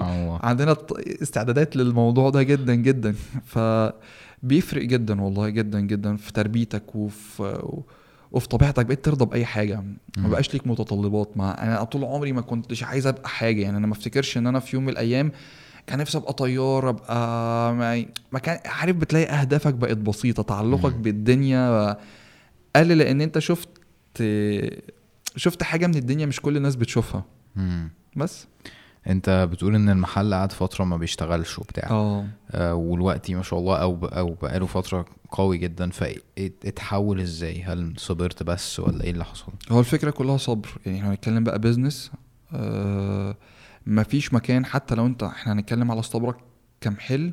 أي مكان بيتفتح حتى لما بفتح فرع جديد. أنا بقالي في الشغلانة دي أكتر من 20 سنة. آخر فرع فاتحينه في المقطم الفرع اللي قبليه كان في التجمع. آه، ألف ب تجارة صبر. مم. صبر إن أنت ما دام أنت عامل اللي عليك جايب بضاعة كويسة بتتقي الله عز وجل في الحلال والحرام بتحاول على قد ما تقدر تبقى شاطر في شغلانتك اصبر. مم. اصبر وربنا هيكرمك. هو موضوع ملوش أي ورزقك هيجيلك هيجيلك بس أنت محتاج أنت تاخد بالأسباب. نايس طور من شغلك شوف شغلك محتاج إيه واعمله. حتى لو المبلغ بسيط. مم. أنا المحل بتاع مدينة نصر ده أنا حطيت كل فلوسي اللي معايا في توضيب المكان وكل البضاعة كانت آجل. ما كانش ما كنتش جايب بضاعة من من فلو... تماما. أنا فاكر إن أنا وأنا بوضب المحل كنت في مرة بصلي العصر فراجل بيقول لي يا ابني المكان اللي أنت واخده ده كل ما يفتح حاجة يقفل. كل ما يفتح حاجة يقفل. وأنت صارف في التوضيب جدا يا ابني ما تلم الدنيا وشو قلت له أنا عندي حسن ظن بربنا إن ربنا هيكرمني في المكان ده. فأنت يكون عندك حسن ظن بربنا سبحانه وتعالى إن ربنا هيكرمك وهيرزقك وما دام بتتحرى الحلال رزقك هيجي وهيجي ببركة وكل ما مسؤولياتك بتكبر كل ما رزقك بيوسع. لو أنتوا اتنين شغالين رزقكوا هيوسع. لو معاك شريك رزقكوا أنتوا الاتنين هيجي. خطبت رزقك هيكبر. دخلت على جواز رزقك هيكبر أكتر. ربنا رزقك بأولاد. الرزق كده عارف اللي هو لأ بيكبر بمسؤولياتك. طب انت بتتعامل إزاي مع الكلام بتاع دور على شغفك ولاقي شغفك وعيش شغفك وال... والكلام ده؟ بص أنا ما بحبش المصطلحات دي بصراحة جدا. والله يعني يعني ما أعرفش ما بحبهاش. يعني بحس انزل السوق اتهرس. خلاص يعني هو موضوع واحد زائد واحد بيساوي اتنين. عايز تتعلم حاجة خش آه، اتعلم احتك بيها خد خبرة فيها. هتبقى قوي جدا. مش محتاج بقى فكرة الشغف. أنا ما أعرفش يعني إيه شغف أصلا. والله. العظيم يعني أنا ما- عنديش الفكرة دي. انزل أنت مهندس انزل اتمرمط وشوف شغلك واتعب في شغلك. أنت راجل حلاق ركز في شغلك. أنت راجل آه، كان من فترة في شباب آه، اسمهم تريفل عملوا page على ال- على الفيسبوك آه، للبرفانات. شباب شاطرين جدا جدا جدا وأنا بحبهم جدا. جم قعدوا معايا واتكلموا معايا قليل جدا لما تلاقي حد بيجي يتكلم معاك وبعد فترة تلاقيه نفذ اللي أنت بتقول له عليه صح. أو أو أو اشتغل. فأنا ببقى فرحان جدا إن أنا شايف ده. فهم عاملين page قوية جدا قوية جدا جدا جدا وبيلعبوا social media صح جدا وفاضيين لها جدا ومركزين. وعاملين community يعني أنا من. فترة والله العظيم كنت ماشي لقيت اللوجو بتاعهم على عربية جنب اللوجو بتاع استبرق يا راجل. فكنت فرحان. مم. إن الناس بقوا عملوا community وبيتقوا ربنا جدا في شغلهم. عاملين حاجات ظريفة جدا جدا جدا وشغلهم كويس. آه، الشاهد من كلامي ده قابلت واحد منهم من فترة. فقعدنا ندردش مع بعض. فبيقول لي إيه رأيك يا جعباص؟ نفتح محل ولا نخلينا زي ما إحنا اونلاين قلت له لا خليك اونلاين. قال لي ليه؟ قلت له انت مهما كان راس مالك في الاونلاين فالناس شايف قلت له خليك رقم واحد في الاونلاين الناس مش شايفة قوتك الحقيقية انت مستخبي ورا ورا فاترينا. الناس ممكن تتخيل ان هي مليانة وانت ممكن بتكون بتاخد فلوس ال order تنزل تجيبه من السوق order ب order. فخلي الناس عندها تصور على طول ان انت قوي جدا جدا جدا. آه، هتنزل السوق وهتفتح محل هتتكشف. محتاج ان هتتكشف ومحتاج إن أنت تكون تنين. آه، وفر على نفسك مصاريف كتير من توضيب لبضاعة محتاج إن البضاعة كلها موجودة ديكورات آه، كهرباء إيجار أنت في غنى عن ده أنت شغال اونلاين طبعا دلوقتي شغال اونلاين بس أنا شغال offline أقوى أنا شغال اونلاين عشان لازم أكون متواجد مم. مش عشان معتمد عليه بصراحة. مم. إنما فكرة إن أنا offline الحمد لله ربنا كرمني ومراضيني فيه جدا فمركز فيه أكتر. كويس. يعني ال- ال online sales مثلا 10% ولا أكتر ولا أقل؟ لا أقل أقل okay. أقل. بس عشان أنا مش بلعبها صح. أنت يعني أنت مش مركز فيها أصلا. أنت بس مش هي مش موجودة بعمل عروض مش بعمل يعني بالنسبة لي الاونلاين لو حد بعيد محتاج order مننا. مم. فهو ده بالنسبة لي الخدمة اللي ممكن حد يستفاد منها كاونلاين ال page مش على طول إحنا active عليها. معظم بس بس active في ال في ال في ال inbox يعني أي حد هيبعت رسالة هيترد عليه على طول. ما, بنتاخرش في الردود بس ما بنعرضش منتجات على طول. ما بعتمد إن أنت خلاص الناس عارفة الحاجة واللي بيبعت حاجة في ال inbox فإحنا بنرد عليه بنحاول نوضح له كل حاجة. هيلاقي ردود عن كل حاجة. فشغالين offline اقوى وده مش صح إن أنا مش شغال اونلاين ممكن خلال يعني يعني شهر أربعة اللي جاي نعمل app أصلا لل application لجعباص وأشتغل آه، أركز أكتر آه، في الأونلاين عموما. حلو جدا. عايز أرجع تاني لحتة الشغف والكلام ده عشان يمكن مش عارف يمكن فكرة الشغف والكلام دوت بتيجي من حتة آه، رفاهية.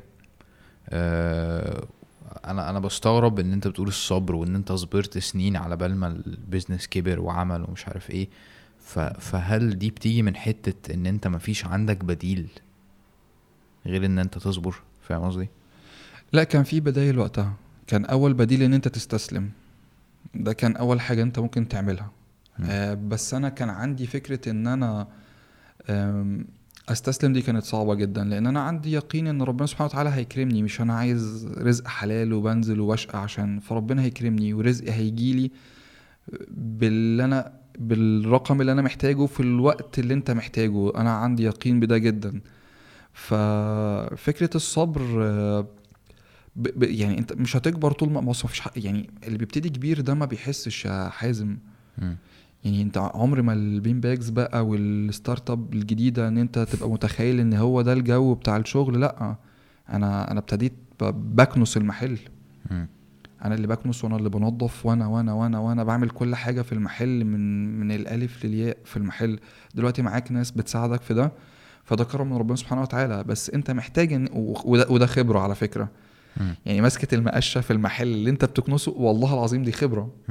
تك- يعني ما فيش حاجة في تفصيلة صغيرة في في شغلك. انت لو ما عملتهاش بإيديك هينقصك جزء كبير في خبرة تخص شغلك.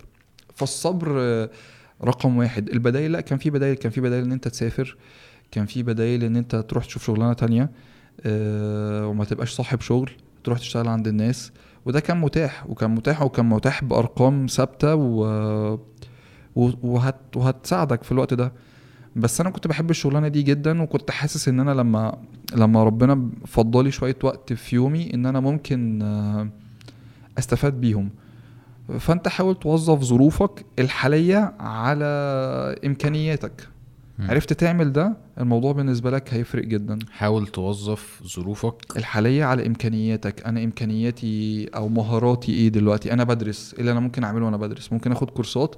آخد كورسات أونلاين ولا ينفع أروح آه، أنمي نفسي إزاي في الحتة اللي أنا لو أنا مهندس؟ آخد إيه إيه الحاجات اللي أنا ممكن أعملها؟ لو أنا شغال حاجة تانية إيه الورش اللي ممكن أحضرها تنفعني في في في الموضوع ده. كل الحاجات دي سهل إن أنت تستغلها. لو أنت عايز تبقى مدرس لو أنت هتبقى حاجة محتاج تقوي الإنجليش فيها شوية محتاج تاخد لا شوف أنت ناوي عايز تبقى تعمل إيه عايز تفتح محل ملابس روح اشتغل في الصيف أو في بقية يومك في محل ملابس حتى لو هتبقى أمين مخزن. بس حط نفسك في الشغلانة. آه، عايز تفتح مطعم روح اشتغل في مطعم واعرف المطعم ده بيبقى يعني شغلانته إزاي آه، بيبتدي إزاي المطبخ داير إزاي الحسابات بتبقى ماشية إزاي معاملة الزباين إزاي. بص على ديكورات المكان إيه الغلط فيها في المكان اللي انت كنت فاتحه عشان لما اللي انت شغال فيه عشان لما اتعلم من اخطاء غيرك وتعلم وانت بتدرس وتعلم في الوقت اللي انت متاح ان انت تتعلم فيه. لأن قدام شوية لما تيجي تتعلم ممكن التعليم ده يكلفك أكتر شوية. بس هي حتة برضو ال- الرفاهية والاضطرار. أنا بشوف إنه آه، هي هو ده ال- الفرق ما بين يعني هو ده اللي بيخليك تستمر في الشيء. هل أنت بالنسبة لك مثلا من ضمن الحاجات اللي كانت بتخليك تستمر آه، هي الفلوس هي إنك كنت بتلاقي عائد؟ في الأول ما كانش فيه عائد. تمام. إيه؟ عموما آه، يعني قعدت فترة طويلة حازم قعدت سنتين مثلا أقل ممكن سنتين أو أكتر كمان ممكن ثلاث سنين يعني أنا فاكر حتى كان أخويا بيصبرني بيقول لي إحنا بعد سنة الرقم اللي أنت بعت بيه في الافتتاح أنت في الافتتاح ده رقم بقى كل صحابك اللي جاي مم. يجاملك هتبيع بالرقم ده هيبقى مبيعاتك اليومية ف 8 جنيه دي أنا ما أنا كنت بركب أتوبيس عشان. أروح الشغل كنت بركب أتوبيس 67 بربع جنيه لحد الحديقة الدولية وأنزل أتمشى على رجليا وأروح ميكروباصات آكل فطيراية طول أجيب علبة كشري أوفر في مصاريفي عشان الدنيا تمشي. الدنيا كبرت هتلاقي نفسك طب ممكن أركب تاكسي ممكن يوم آكل فيه أكلة كويسة بره. فقعدت فترة طويلة آه، الدنيا ما كانتش أحسن حاجة وابتدت تفتح معايا لما خلاص نويت إن أنا أتجوز. يعني ابتدى الرزق يزيد لما أنا خلاص خطبت. وركزت إن أنا أنا كنت بدرس وفاتح محل. فإن أنا أركز إن أنا أتخرج عشان عايز أتجوز فابتديت أركز في الدراسة جدا وأروح الجامعة وأحضر وأروح المعهد بتاع العلوم الشرعية وأحضر وأروح شغلي وخطبت. كانت كام سنة كده آه، اتضغطت فيهم جدا بس فرقوا معايا جدا بعد كده في كل حاجة. طب هل المحل كان هو ده المكان اللي أنت اتعرفت فيه على كل الناس اللي أنت عارفهم دلوقتي؟ آه هو هو المحل. يعني هو. المحل لو ما كانش فيه محل ما كانش هيبقى فيه جعباص أصلا. يعني كل الناس إيه، كل علاقاتي اتبنت من المحل. تماما يعني. العلاقات بقى الصحاب العلاقات الشغل العلاقات الشخصية حتى الدعوة الكلام ده كله عن طريق المحل. nice رد رد. لا ده المكواجي. okay. العلاقات دي فرقت إزاي معاك بعد كده في حياتك؟ آه، في علاقات اتطورت بقت بقت صحاب جدا. يعني كانت بداية العلاقة بيك مثلا كنت أنا محتاج ال uniform بتاع بتاع جعباص كنت بعمل uniform وبعت لك وبعد كده تواصلت مع سليمان وعملت ال uniform. بعد كده إحنا علاقتنا دلوقتي إحنا قاعدين مع بعض آه، صحاب. في علاقات استفدت منها في اشتغلنا مع بعض. واشتغلنا مع بعض. مم. واشتغلنا مع بعض بفضل الله. فلا العلاقات بعد كده لا اتشعبت كتير بقى. الصحاب ال- العلاقة بيه لسه زي ما هو زبون آه بفرح لما الاقي شنطة المحل مرمية في حتة بعيدة. يعني لو الاقيها مم. مرمية في الشارع كده أو حد يشوف شنطة المحل أو حد يقول لي انت جعباص بالنسبة لي الموضوع بيفرق جدا جدا. تخش مصلحة حكومية آه تلاقي نفسك حد عارفك مم. ده حاجة حلوة جدا جدا يعني. بس فالموضوع لا العلاقات في الشغل جميلة جدا جدا جدا. هل ده ضروري للنجاح؟ انت شايف كده؟ ان تبقى ليك علاقات؟ مم. أنا مش اجتماعي جدا عشان تبقى فاهم. يا راجل. آه يعني أنا أظهر لك قوي. لا لا والله أظهر لك أنا ممكن يكون علاقاتي كتيرة بس علاقاتي محدودة جدا. يعني تواصلي مع الناس قليل جدا جدا جدا. كنتش كده زمان. قصدك العلاقات ال- ال- العميقة يعني. العميقة آه بالظبط. بس يعني العلاقات اللي هي لا كل الناس المعرفة أعرفها العامة؟ آه أعرفها. بس فكرة إن أنت تتواصل مع الناس وتبقى عارف الابديت ممكن كنت من فترة كده. بعد فترة شوية واما بتكبر في السن شوية أنا كبير مش صغير عموما يعني. كام؟ خمسة؟ خلاص خلصت ال 36 وهبتدي في ال 37 عجزت خلاص. خلاص بقى أنا النهارده إيه؟ تسعة؟ مم. أنا 10 11 عيد ميلادي بكرة؟ فبكره يا. بس فأنا كده ابتديت في ال 37 nice. بس. كل سنة وأنت طيب؟ وأنت طيب يا أنت صديقي لسه صغير يا معلم والله. ممكن. وبعدين انت رحت الجيم بعد ال 30 أو بعد ال 30 بحبة أنا رحت الجيم من ابت- ابتديت أركز في الرياضة من أربع سنين خمس سنين كده. آه فلسه يعني انت لسه بتبتدي. يا مسهل يمكن. مم. محدش عارف. أنا أنا أنا يعني متحمس جدا أشوف أزمة منتصف العمر بتاعتك هتبقى عاملة إزاي. يا راجل أكتر ده أنا أزمات كتير قوي يا حازم. أنت عشت حاجات كتير منها. مم. بس ف الواحد اهو مكمل. آه، وجود الناس حواليك مهم جدا. وطول ما العلاقة مبنية على الاحترام آه، أكيد هتستفاد منها في يوم من الأيام يعني. هل أنت شخص بت بت بتقطع علاقتك مع حد؟ يعني هل في ناس أنت منع يعني قفلت عليهم؟ يعني قصيت البتاع خالص؟ أصلا ما بعملش كده خالص. لا أنا مؤخرا بعمل كده. ما كنتش كده برضه. مؤخرا بقيت أعمل كده. ببلوك خالص. يعني ببلوك من كل حاجة يعني. مش عارف ليه بقيت أعمل كده. وده مش صح يعني بس ما بقاش عندي طاقة إن أنا أستحمل شوية زي الأول. ضغوط الحياة فعلا بتبقى صعبة شوية. فأنت بيبقى أصلا يعني أنت عندك شوية power ماشي بيهم. فأبوس إيدك يعني إيه؟ ما تعطلنيش. بس. كويس. في حاجة أنا بسطاني جدا في في المناقشة دي وهي مختلفة خالص عن معظم الناس اللي أنا بجيبهم آه إنه يعني في المجال بتاع أو ال- الليلة بتاعت ال entrepreneurship بقى وال startups والكلام ده أنت دايما دايما بتتكلم مع الناس بت... زي ما أنت قلت ال bean bags والأحلام وبتاع. فممكن ده بشكل ما يبقى بعيد شوية عن الناس عارف؟ صعب تتخيل ده معناه إيه. يعني كنت جايب مثلا باشمهندس آه، محمد حسام خضر بيتكلم في ال web design وال web development ومش يعني حوارات اللي هو أنا مش فاهم ده يعني إيه لحد دلوقتي عارف؟ آه، وناجح جدا وقوي جدا وبتاع. فأنت أنت كده خدت خطوة لورا اللي هو آه، بيسموها بت ground الموضوع يعني بت بتخليه يلمس الأرض. صح تمام. عارف؟ اللي هو كحرت واعمل ومش عارف. وتسحل وبتاع. فدي حاجة ريفريشنج جدا للناس ان هي تسمعها. إن أنت ينفع تبقى ناجح كإنسان من غير ما تعمل حوارات خزعبلية. جدا. والميزة بالنسبة لك أنا شايف إنه ودي حاجة كنت اتكلمت فيها برضو مع تقريبا معظم الضيوف اللي جم من بداية الموسم الجديد يعني آه، هي فكرة التوازن ما بين الشغل والبيت. أنا بحسك آه، بمنتهى الوضوح محدد لنفسك إن الأولوية هي البيت. جدا آه. كلمني شوية عن الحوار ده. بص فكرة ال آه، أنا أصلا راجل بيتوتي جدا.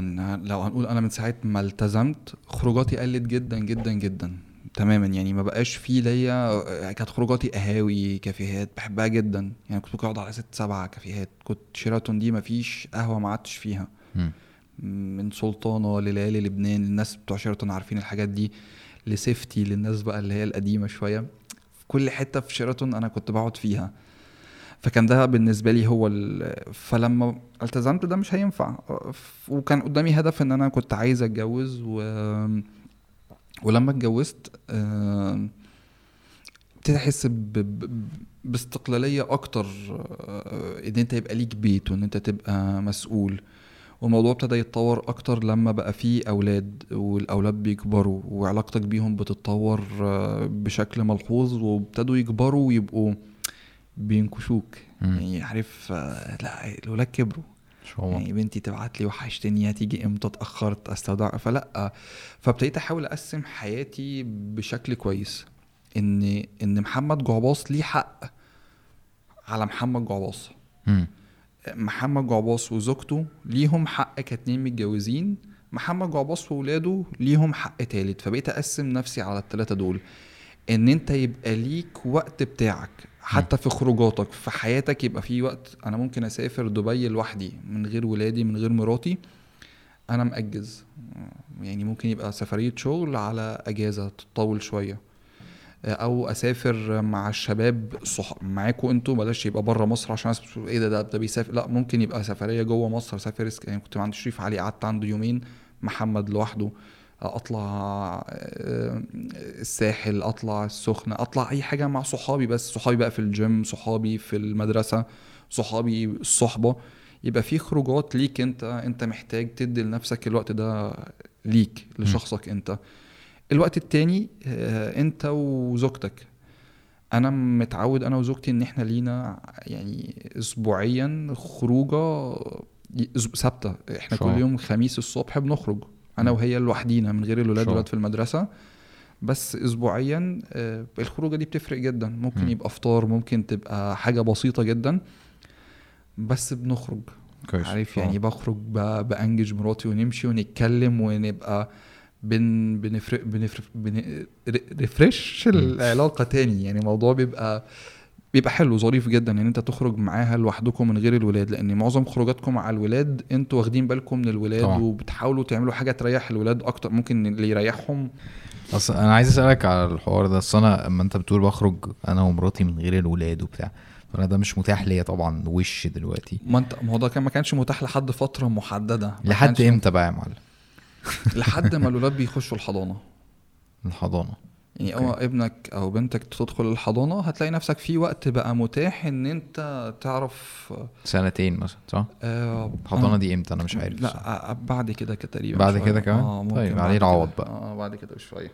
بس الحمد لله فلا الوقت ده هيجي هيجي إن شاء الله يعني بس فيبقى ليك خروجاتك لوحدك خروجاتك أنت ومراتك خروجاتك مع الولاد يبقى ليك خروجاتك مع الولاد اللي هم عايزينه بقى عايزين يروحوا النادي عايزين يروحوا ملاهي عايزين ياكلوا في حتة معينة آه لو عملت الثلاث حاجات دول هتحس إن في توازن إن أنت طول الأسبوع أصلا في الشغل فأنت لو الولاد معاك في ال weekend مثلا خميس وجمعة مراتك معاك الخميس الصبح أنت بقيت الأسبوع ممكن تنتش يوم فيه من وسط شغلك تعرف تسافر فيه أو لو كل ف... أو تخرج فيه مع صحابك.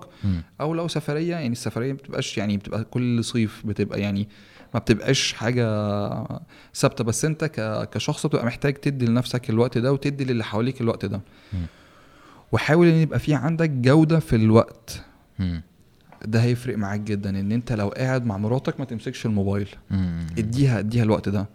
لو قاعد مع ولادك اديهم الوقت ده اهتم بيهم. يبقى في quality time اسمها. بس ادي ده ده هيفرق معاك جدا جدا جدا حتى مع نفسك. ادي نفسك أحسن حاجة نفسك تستحقها. nice وادي للي حواليك أحسن حاجة يستحقوها اهتم بيهم. النبي كان بيعمل كده لما كان. حد يجي يتكلم كان بيلتفت بكله بكل جسمه ليه ده اهتمام بيه جدا. فأنت لو عملت ده آه، هيفرق جدا في علاقاتك وفي نفسيتك عموما. nice طيب موضوع ال ال ال ال ال- التوازن ما بين البيت وال- والشغل وكده أنا من معرفتي بيك أو من مراقبتي اللي أنت بتعمله أنا بحس إن أنت مش هدفك إن أنت تبقى أغنى واحد آه، في العالم. تمام. يعني أنا دايما بحس إن أنت آه، لو في فلوس قشطة لو ما فيش قشطة لو آه، فلوس أكتر جت يبقى أحسن فاهم؟ يعني بحس إن أنت مثلا مش أنا مش عارف ده حقيقي ولا لأ بس أنا بح... أنا بحس كده إن أنت مش هدفك إن أنت تحوش وهدفك إن أنت فعلا تستخدم الفلوس اللي أنت بتحصل عليها دي عشان أولوياتك اللي هي إن أنت تعيش حياة حلوة. هل دي حقيقة؟ بالظبط هي حياة كريمة. أنا بدور ان يبقى في عندي آه، يبقى عايش حياة كريمة. آه، ربنا يعني ربنا يبقى رازقني ومكفيني بالأبجديات الحياة وأولويات الحياة. بس يعني اللي هو تبقى ساكن في مكان كويس مدخل ولادك مدارس كويسة بتاكل كويس بتلبس كويس شغلك ماشي. أنا مش عايز أكتر من كده. مم. أكتر من كده بقى في الجنة بقى هبقى طمع فاهم ابقى حاسس إن أنا أنا كده يعني أنا كده معايا قوت يومي وآمن في بيتي فالدنيا بالنسبة لي ظريفة جدا الحمد لله رب العالمين طب وصلت للقناعة دي إزاي؟ هو بص القناعة دي برضو عشان نشأتي كانت. كده إن أنت أصلا كنت عايش أنا مش أقول لك فقير لأ يعني كنا مستوانا متوسط بس كنت دايما حاسس إن أنت في حاجة أنت عايزها آه، مش عارف آه، تحصل عليها. مم. آه، عندك احتياج باستمرار. وكنت بتعرف تتعامل مع الاحتياج ده. وكنت بت بتغطيه ومعرفش هو ده ده جه جوايا إزاي. إن أنا ما كنتش حتى بحسس. يعني أنا ما كنتش أروح أقول لماما مثلا ده في رحلة. مم. عايز أطلعها. فأقول لها ماما ده في رحلة وأنا مش هروح المدرسة اليوم ده. خلاص مع إن ببقى نفسي جدا. بس أنا مش هعرف أدفع 50 جنيه أروح القرية الفرعونية أو 50 جنيه عشان أطلع السندباد. فكنت لا خلاص بالنسبة لي إن أنا لا أنا مع ال bad boys اللي ما بيروحوش ال- ال- المدرسة اليوم ده واقعد في البيت. وقيس بقى على ده بقى حاجات كتير في حياتك بقى. فدلوقتي لما بقيت واصل للمرحلة دي حاسس إن أنت مالكش طموح مثلا؟ ماليش ط- مش مش ماليش طموح لا عايز ولادي ما يعيشوش اللي أنا عشته ده. أحاول على قد ما أقدر إن أنا أكون مكفلهم طلباتهم تماما كل اللي يحتاجوه يلاقوه. في حدود الإمكانيات المتاحة. ولما بيبقاش فيه فلوس بقول إن مفيش فلوس. لو هو عايز حاجة معينة أنا بقول له مفيش فلوس. أوكي. ليه؟ عشان مفيش فلوس. هو برضه متصور إن بابا يجيب فلوس من المحل فخلاص أنا عايز ده خلي بابا يجيب فلوس من المحل. فلا ده فببتدي لا يا حبيبي مفيش فلوس الفترة دي عشان المحل محتاج فلوس أو عشان أنا محتاج أدفع قسط المدرسة أو عشان آه، بقول له ده على طول. يعني بقول له إن في ظرف الفلاني فأنا بعمله عشان عشان كده مفيش ده دلوقتي. مم. ولو ده متاح آه، بعمله. أو أوكي. بوعده إن أنا في الوقت الفلاني هبقى هجيب لك الحاجة دي وبجيبها له. هل أنت آه، بت... ليك طرق معينة يعني هم النش... نشأتهم طبعا مختلفة تماما عن بتاعتك. تمام. فده فنشأتك خلتك تقدر الفلوس و... وف... وفاهم يعني إيه والكلام ده كله. فالتوازن ما بين فكرة إن أنت بتجيب له اللي هو عايزه وما بين إن أنت برضه في نفس الوقت عايز تحسسه بالحوار عارف؟ عايز تحسسه إنه مش أي حاجة نقدر حتى لو معانا مش أي حاجة نقدر نجيبها بتعمل ده إزاي؟ هو في مشكلة بتحصل في المدارس مع الولاد إن أنا ان إن ممكن زمايلهم يكذبوا. فمثلا يقول له ده أنا معايا آيفون إكس وبابا راكب لامبورجيني وإحنا عندنا في البيت مش عارف آه، حاجة بتعمل إيه. ففطرة الولد إن هو لا ده حقيقي ده هيكذب ليه. فبيجي يطلب منك ده. ده أنا صاحب بابايا عنده يعني ده أنا صاحبي عنده اتنين تلاتة iPhone X وعنده مش عارف إيه وعنده ال البلاي عنده السكنات بتاعت مش عارف لعبة إيه وعنده. فيا حبيبي ده ما بيحصلش مش مش دايما ده بيحصل. فابتديت أفهمه إن مش ده مش صح. محدش معاه كل ده. ولو هو حتى معاه ده مش لازم يبقى معاك. بتكلم معاهم أنا ومراتي يعني ربنا يكرمها يعني.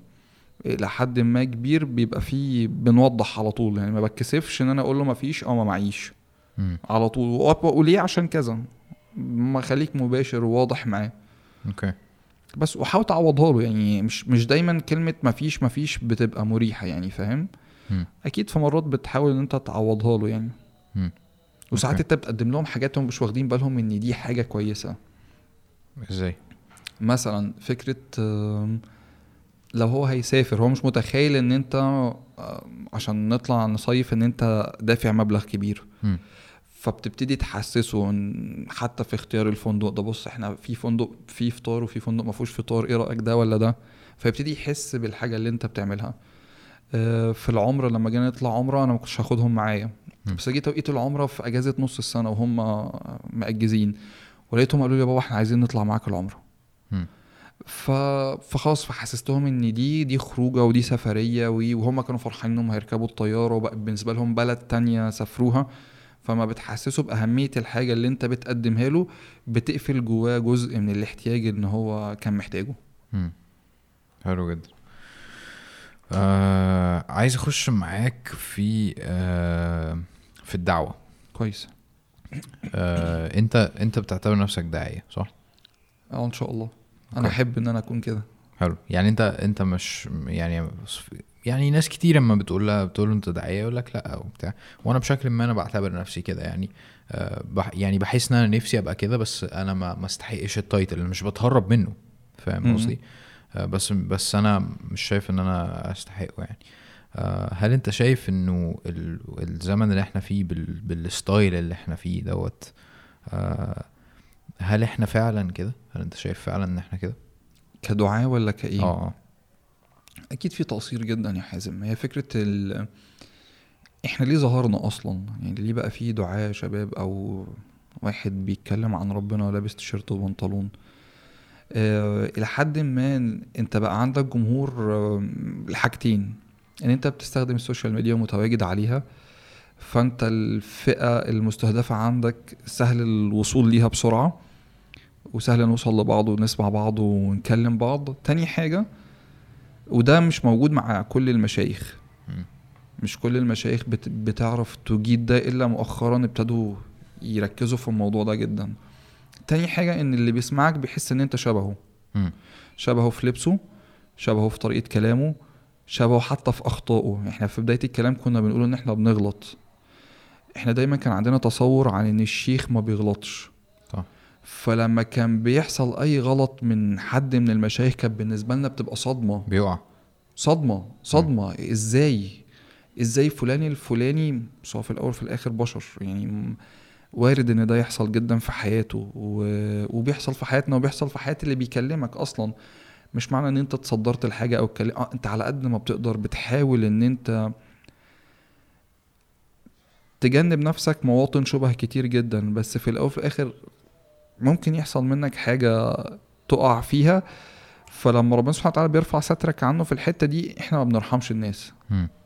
وده اللي بيخلينا إحنا أو أنت بتقول حاسس إن أنا مش قادر أوصل للتايتل ده لأن أنت لما لو غلطت مش هتترحم. يعني الناس مش هترحمك تماما يعني مش هيعاملوك إن أنت بني آدم. أنت ما دام بتقول قال الله وقال الرسول فأنت مطالب إن أنت تمشي على الصراط. ماشي. ده ده ده مطالب بس إن أنت تبقى كويس و و وده الأصح إن أنت تعمله. بس في نفس الوقت أنت بشر وارد إن ده يحصل منك غلطة أو حاجة أو أو أو. ف... فده بيخلي الشباب إلى حد ما تبقى قريبة مننا. إحنا شبه بعض جدا. بتغلط؟ آه وارد إن جعباص يغلط. زي ما أنا بغلط. وارد إن جعباص يقول أنا غلطت الغلطة الفلانية. جعباص كان بيعمل يعني جعباص ممكن يلعب معايا كورة دلوقتي ممكن نسافر مع بعض ممكن ممكن ممكن فهو عايش حياتي حاسس بمشاكلي جدا مم. لما أجي أشتكي له من من مشكلة مع واحدة بحبها أو واحدة مرتبط بيها أو عندي مشكلة في غض البصر عندي مشكلة في عادة بعملها عندي مشكلة في في التدخين عندي مشكلة عندي مش هو ع- هو جعباص عايش ده مم. هو جعباص معاك في نفس المركب أصلا بي بيحصل له نفس اللي بيحصل لك نفس المشاكل اللي انت بتتعرض لها هو بيتعرض لها. هو ما طلعش لسه سلمة تانية ولا وقف على منبر وبيكلمك من على المنبر وانت قاعد تحت على الأرض بتسمعه. فده إلى حد ما ده كان بحس إن هو سبب لتواجدنا.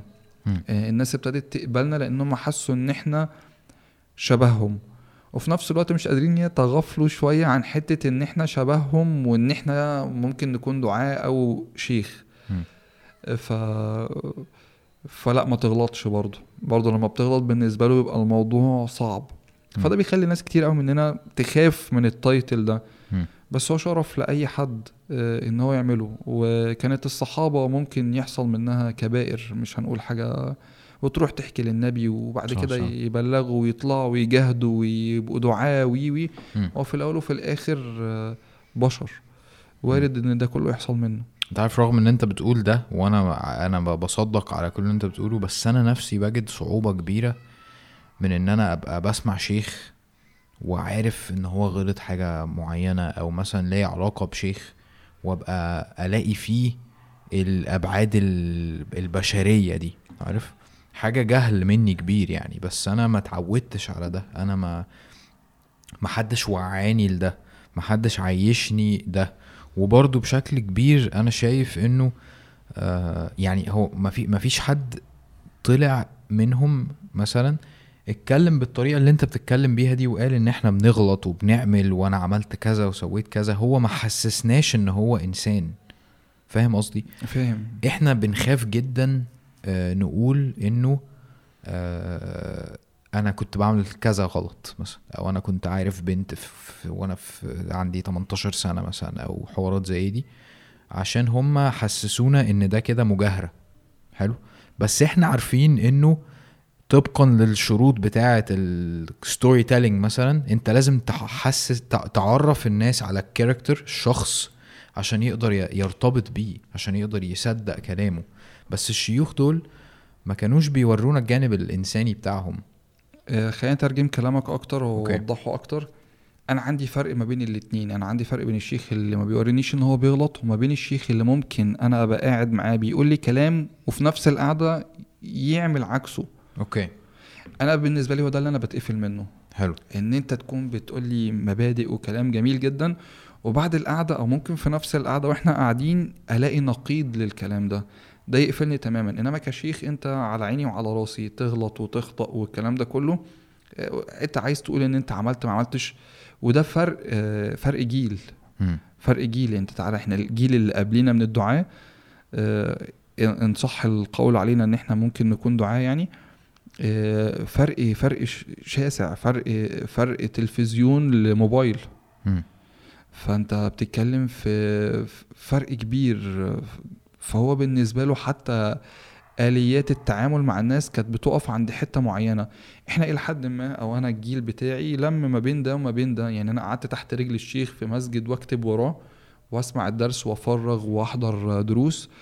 آه، ودلوقتي بقت الموضوع معايا اونلاين آه، أعرف أعمل أي حاجة اونلاين. فموضوع إن أنت تلم ما بين الاتنين ده فارق معانا شوية. هو غصب عنه.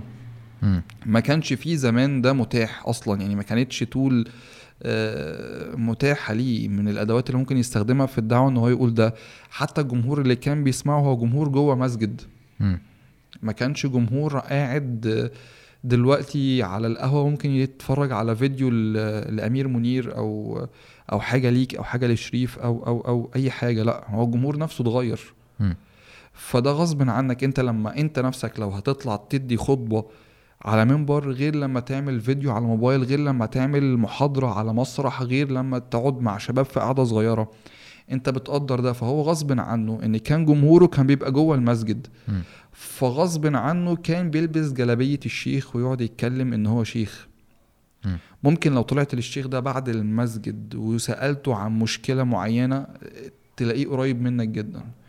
وإحنا كتير قوي مننا احتك بمشايخ كبار لو قابلت الشيخ على المستوى الشخصي بره مختلف تماما عن الشيخ اللي قاعد بيدي الدرس. مم. ممكن تحس جواه حنية رهيبة وفقه في التعامل معاك انت ما كنتش متخيله وانت خايف منه. صح. وده السبب اللي بقول لك ان إحنا شكلنا كان مختلف عنهم. أنا بتكلمش في سمت أو في سنة. أو أو هم طبعا مشايخنا في الأول وفي الآخر و وأصح مننا في حاجات كتير جدا. بس إحنا بنتكلم في في إن إن إيه بيقولوا بيقولوا عليها إيه؟ إيه، قواعد اللعبة اتغيرت. نفسها. فابتديت أنت إلى حد ما بتابديت أكتر منه. فده ده اللي بيفرق جدا مع مع الناس. لو لو أنا دلوقتي عايز أتعلم دين كويس؟ شاب عادي خالص زينا. تمام؟ آه أنا برضو عشان نبقى واضحين أنت ال ال أنا مش بنفخك ولا حاجة بس انت ال level بتاعك في الدين اعلى مني بكتير وانت مذاكر أكتر مني بكتير و... وانت فعلا دست مع شيوخ كتير أنا ما عملتش ده خالص فاهم؟ أنا أنا بحب الدين بس عارف؟ م-م. بحب الدين ولما بحس ان أنا عايز اتعلم حاجة بتعلمها فمع الوقت يمكن فهمت شوية حاجات أكتر ونتيجة ان يمكن أنا ما كانش عندي تاريخ آه، مظلم ولا حاجة فالنشأة بتاعتي كانت إيه؟ بصلي ومش عارف إيه وبتاع تمام؟ ففي فرق برضو بين بيننا كبير ك... ككلمة آه، داعية. أنا ممكن أعتبر نفسي داعية زي ما أي واحد مسلم ممكن يعتبر نفسه داعية تمام؟ دلوقتي أنا شاب عادي خالص عايز أتعلم دين. كويس؟ في الزمن ده. أعمل إيه؟ أروح لمين؟ مو حسب الليفل اللي أنت عايزه حازم. أنت هل أنت عايز تتعلم دين عشان تسقط الجهل عن نفسك ولا عايز تتعلم دين عشان تبقى داعية ولا ولا ولا؟ لو عايز تتعلم دين عشان تسقط الجهل عن نفسك عندك طريقتين. يا إما تسمع فيديوهات لناس سلاسل حتى مش إحنا لمشايخ أعلى مننا. آه، لأن إحنا برضو إلى حد ما إحنا مش مربيين مش معلمين. إحنا ممكن نحط نفسنا في خانة الوعاظ. آه، أكلمك عن رقائق أقول لك بلاش تعمل ده اعمل ده. إلى حد ما كتير مننا بيخاف يقول حلال وحرام ما عندناش الأدوات اللي تخلينا. نقول حلال وحرام إنما إلى حد ما بقول لك خلي بالك عارف إحنا فينا. كطبيعة بشر يعني آه، إحنا بنحب نلبس عارف لو أنا أقول لك آخر الطريق ده هتفضل ماشي فيه يا ابني هتلبس لا أنا رايح ألبس مالكش دعوة فكرة إن أنت تتعلم من حد أو فكرة وجود الشيخ في حياتك أو حد يعلمك هو بيوفر عليك الطريق يقول لك بلاش يا ابني الطريق ده مقفول ممكن تلبس فيه فلف وتعالى خليك هنا جنبي اعمل واحد اتنين تلاتة. ففكرة أنت عايز تتعلم تبقى عايز تبقى داعية؟ لا في عندك حاجات تبع وزارة الأوقاف بتعمل معاهد إعداد دعاه متاحة موجودة لو أنت عايز. أنت فعلا بترشح ده؟ أنا برشح ده. برشح ده في الوقت لو أنت عايز تبقى داعية وأنا أصلا عايز آخد ده. عارف إلى حد ما سنتين إلى حد ما هتخليك مو... إلى حد ما تبقى مطمن شوية إن أنت تحت مظلة قانونية شوية في دعوتك. ليك آه، سند آه، بتتكلم ليك شهادة من الآخر بتتكلم بشهادة. بيبقى الكلام أسهل يعني. آه، الناس إلى حد ما واثقة إن أنت درست على إيد مشايخ أو على إيد علماء آه، موثوق في علمهم. فده يبقى كويس. لو انت عايز تبقى وانت محتاج تتقل نفسك يعني انت بس إلى حد ما انت هتروح هناك هتدرس شوية علوم شرعية هت هتعلمك دينك وهتعرفك إزاي ممكن تتكلم مع الناس آه، في الدين. عايز حاجة تانية؟ في حاجات اونلاين موجودة. في حاجات اونلاين كتير جدا جدا موجودة جوه مصر وبره مصر آه، ممكن تتعلم لو انت عايز تبقى داعية. عايز تتعلم دينك عشان تنفع نفسك وتبعد عن الحلال والحرام اليوتيوب مليان مليان. بس أنا أنصحك إن أنت تكمل إن أنت تستمر إن أنت لو هتفتح حاجة عشان تتعلمها كملها للآخر. لو هتمسك سلسلة آه، سيرة خلص السيرة. آه، هتسمع حاجة في العقيدة خلص. آه، هتسمع حاجة في مصطلح الحديث كمل. هت- هتسمع حاجة في في قصص القرآن كمل. هتتعلم تجويد كمل. هتحفظ قرآن حاول على قد ما تقدر ما تقطعش حتى لو هتحفظ حاجة بسيطة. كمل كمل في الحاجة اللي انت هتعملها عشان تعرف تفيد نفسك. أوكي. انت تعبت شوية؟ لا لا أنا معاك. يلا أوكي. بينا. طيب أنا في ال... في الأيام الأخيرة دي آه... أنا دلوقتي بقى عامل شعري ربط ومش عارف إيه وكده آه... مش عشان أي حاجة غير إن مراتي عايزة كده. جميل مش- حلو.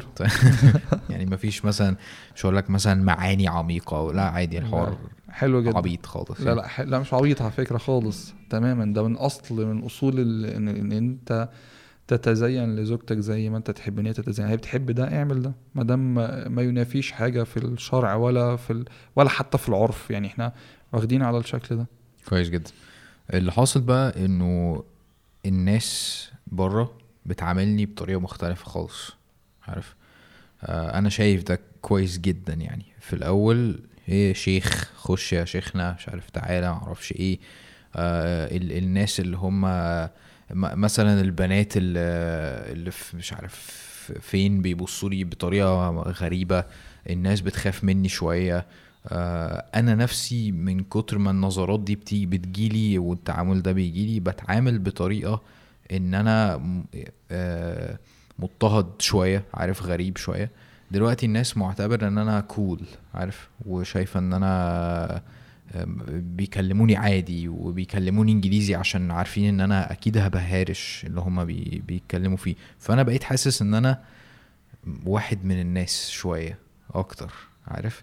فبدأت أحس أو أخاف من إن أنا آه، ممكن يعجبني ده. عارف؟ وممكن أحس إن أنا طب ما أنا إيه اللي ساحلني في إن أنا أقعد لازق نفسي أو أو حاطط على نفسي الهيئة بتاعت إن أنا الشيخ اللي مش عارف إيه وأنا ممكن أبقى عادي وأتعامل عادي وأبقى شاب عادي عارف؟ فعلا بقيت خايف وقلقان على نفسي من ال الموضوع يقلق بصراحة يعني إن الواحد يحس إن هو إن أنا ه... يعني لو أنا هحس إن أنا هقدم تنازل عشان ده لأ طبعا ده ما ينفعش. إنما لو هعرف آه، يبقى الموضوع بالنسبة لي هعرف أوزن ما بين الاتنين.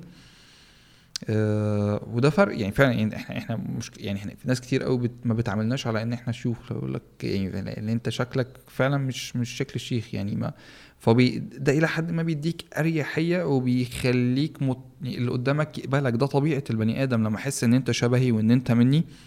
وأنا ليه كلمتك إنجليزي؟ أنا حسيت إن لأ الشكل ده ممكن يكون بيعرف يك... تخيل بقى لو كلمنا أنا. ولا أي حاجة خالص. يعني بس أنت برضو هيئتك مؤخرا يعني بقالك مثلا سنة ولا اتنين برضو ماشي في سكة مختلفة خالص في الشكل عن شكلك من من تلات أربع سنين أو من من. أول ما عرفتك كل حاجة خست شوية. آه، ممكن يكون تقصير مننا؟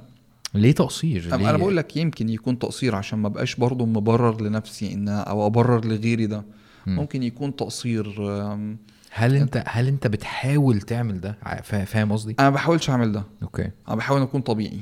تمام. آه، ده ده أنا بحاول أعمله طول الوقت إن أنا أكون أنا هو أنا ما بقاش لابس mask. بس ما بس ما بتحاولش بشكل ما إن أنت فعلا ت... يعني أنت مش متعمد توصل رسالة معينة صح؟ خالص والله. أوكي. أنا أنا حاسس إن أنا عايز أبقى ده دلوقتي أو. ده شكلي ده دلوقتي أو هو ده اللي أنا محتاجه دلوقتي. أه بس يعني كنت عايز اطلع معاك بال في الحلقة. بالطاقية البيضاء. كنت عايز اطلع محمد. بس هي دي يعني أنا هصور بيها الحلقات بتاعه السيرة فقلت اخليها للسيرة يعني. آه، في اوقات بتبقى انت محتاج في التوقيت ده يبقى شكلك كده. ايمانيا بتزيد آه، هيئتك إلى حد ما بتأثر على قلبك تماما يعني. لما تلاقي جوارحك خاشعه قلبك طبيعي بيخشع. وخشوع الجوارح ده مش بتكلم فيه إن أنت شعرك طويل فأنت مش خاشع. في ناس مطولة شعرها وأنا قلت لك الأمر ده ما فيهوش مشكلة شرعية بس محتاج إن أنت تظبط نيتك فيه حتى لو نيتك إن هي إرضاء زوجتك فدي نية شرعية. مم. إن الأمر ده هيبقى بالنسبة لها مرضي أنا أعمله ما عنديش أي مشكلة فيه. آه، وتحاول تمسك العصاية من النص يعني فاهم؟ ما تخليش قلبك يميل قوي لإرضاء الناس وإرضاء هواك عشان تربي نفسك أكتر. وفي نفس الوقت إن أنت عندك حاجة تانية أنت بتعملها عشان ليها ليها ليها أصل شرعي يعني مم. بس أوكي أنت شايف إنه أحسن حاجة إحنا ممكن نعملها دلوقتي إحنا عشان نوصل لت- للتأثير في الناس آه إيه هي تكون صادق مع نفسك. تكون صادق مع نفسك جدا جدا جدا. مش بقول لك إن أنت صادق مع نفسك إن أنت تعمل اللي أنت بتقوله بس على الأقل وأنت بتقول تكون صادق في الكلام اللي أنت بتقوله. آه، مش لازم كل حاجة بتقولها تكون بتعملها. لو أنت كل حاجة بتقولها بتعملها فده حاجة عظيمة جدا. آم، بس خليك صادق. لو أنت اتكلمت بصدق صدقني الكلام هيوصل للناس وهيأثر فيك وقبل الناس. وخلي أي كلام وأنت بتقوله للناس خلي النصيحة تبقى ليك أنت قبل الناس لأن أنت أكتر واحد محتاج النصيحة من نفسه آه، تاني حاجة آه، ببقى شايف إن أنت ركز مع أهلك أكتر إحنا دايما بننشغل باللي بره وبالشكل أكتر وإن أنت يبقى فيه followers مش مش بتكلم إن أنت يبقى فيه يعني بتهتم بال followers مش. بعدد الفولورز بتهتم بالمتابعين صح. والناس اللي بتسمعك وبتحاول تقدم الحاجة اللي هم محتاجينها وفي وسط الكلام ده كله ممكن تنسى بيتك وتنسى أهلك وتنسى القريبين منك جدا وده مش صح. ابتدي بنفسك وبالدايرة القريبة منك بعد كده وسع الدايرة. كويس جدا. آه خليني أبص على الأسئلة بتاعتي وأنت برضه لو في حاجة في دماغك آه okay يلا بينا. حاسس إن إحنا ما اتكلمناش عنها وعايز تدوس فيها. آه في الآخر هتكلم عن حاجة إحنا ما اتكلمناش عنها. okay. طيب أم...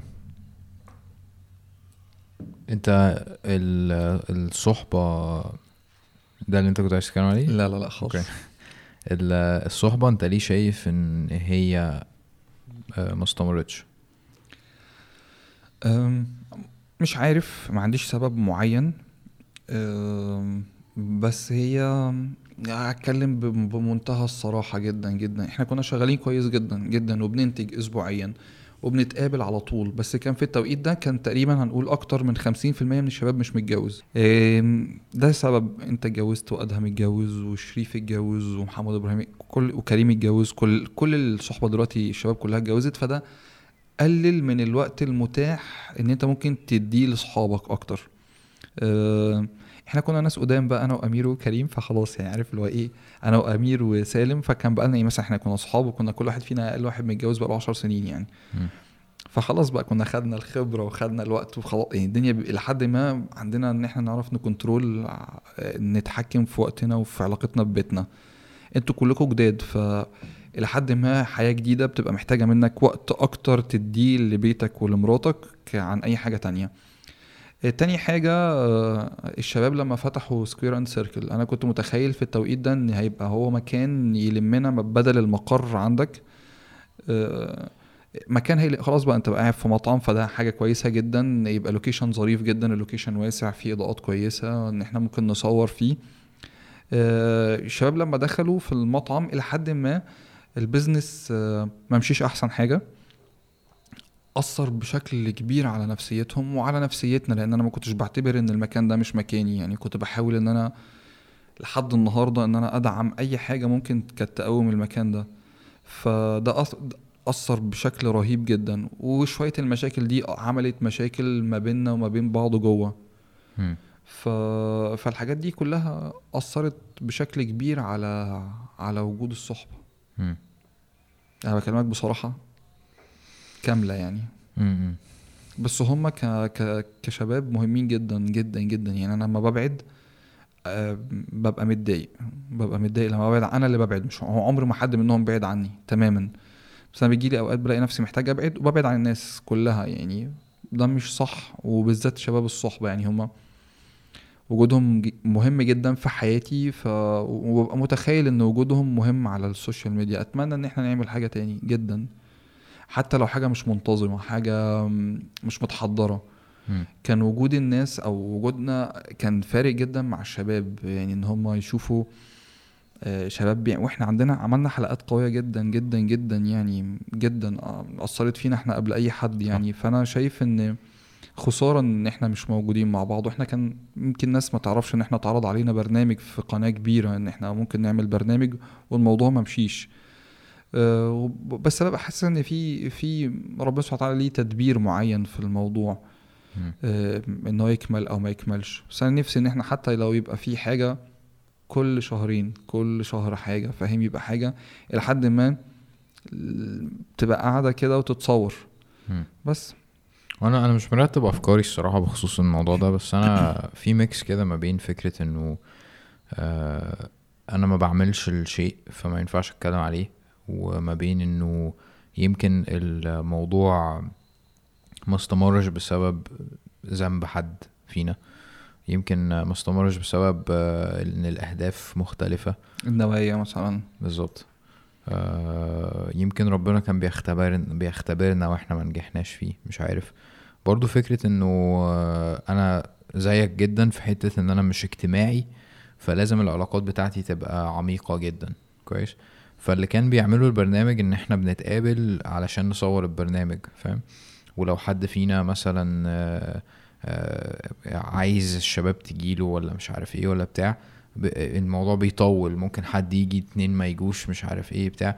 فمش هقول إن إحنا مش صحاب في الحقيقة يعني إحنا أكيد صحاب في الحقيقة.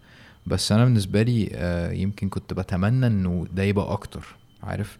أو ده يبقى الأول أو ده يبقى الأولى عارف؟ ف فمش مش عارف يعني يعني شوية خواطر وخلاص يعني. بس أنا نفسي الموضوع فعلا آه، يبقى حقيقي ويرجع.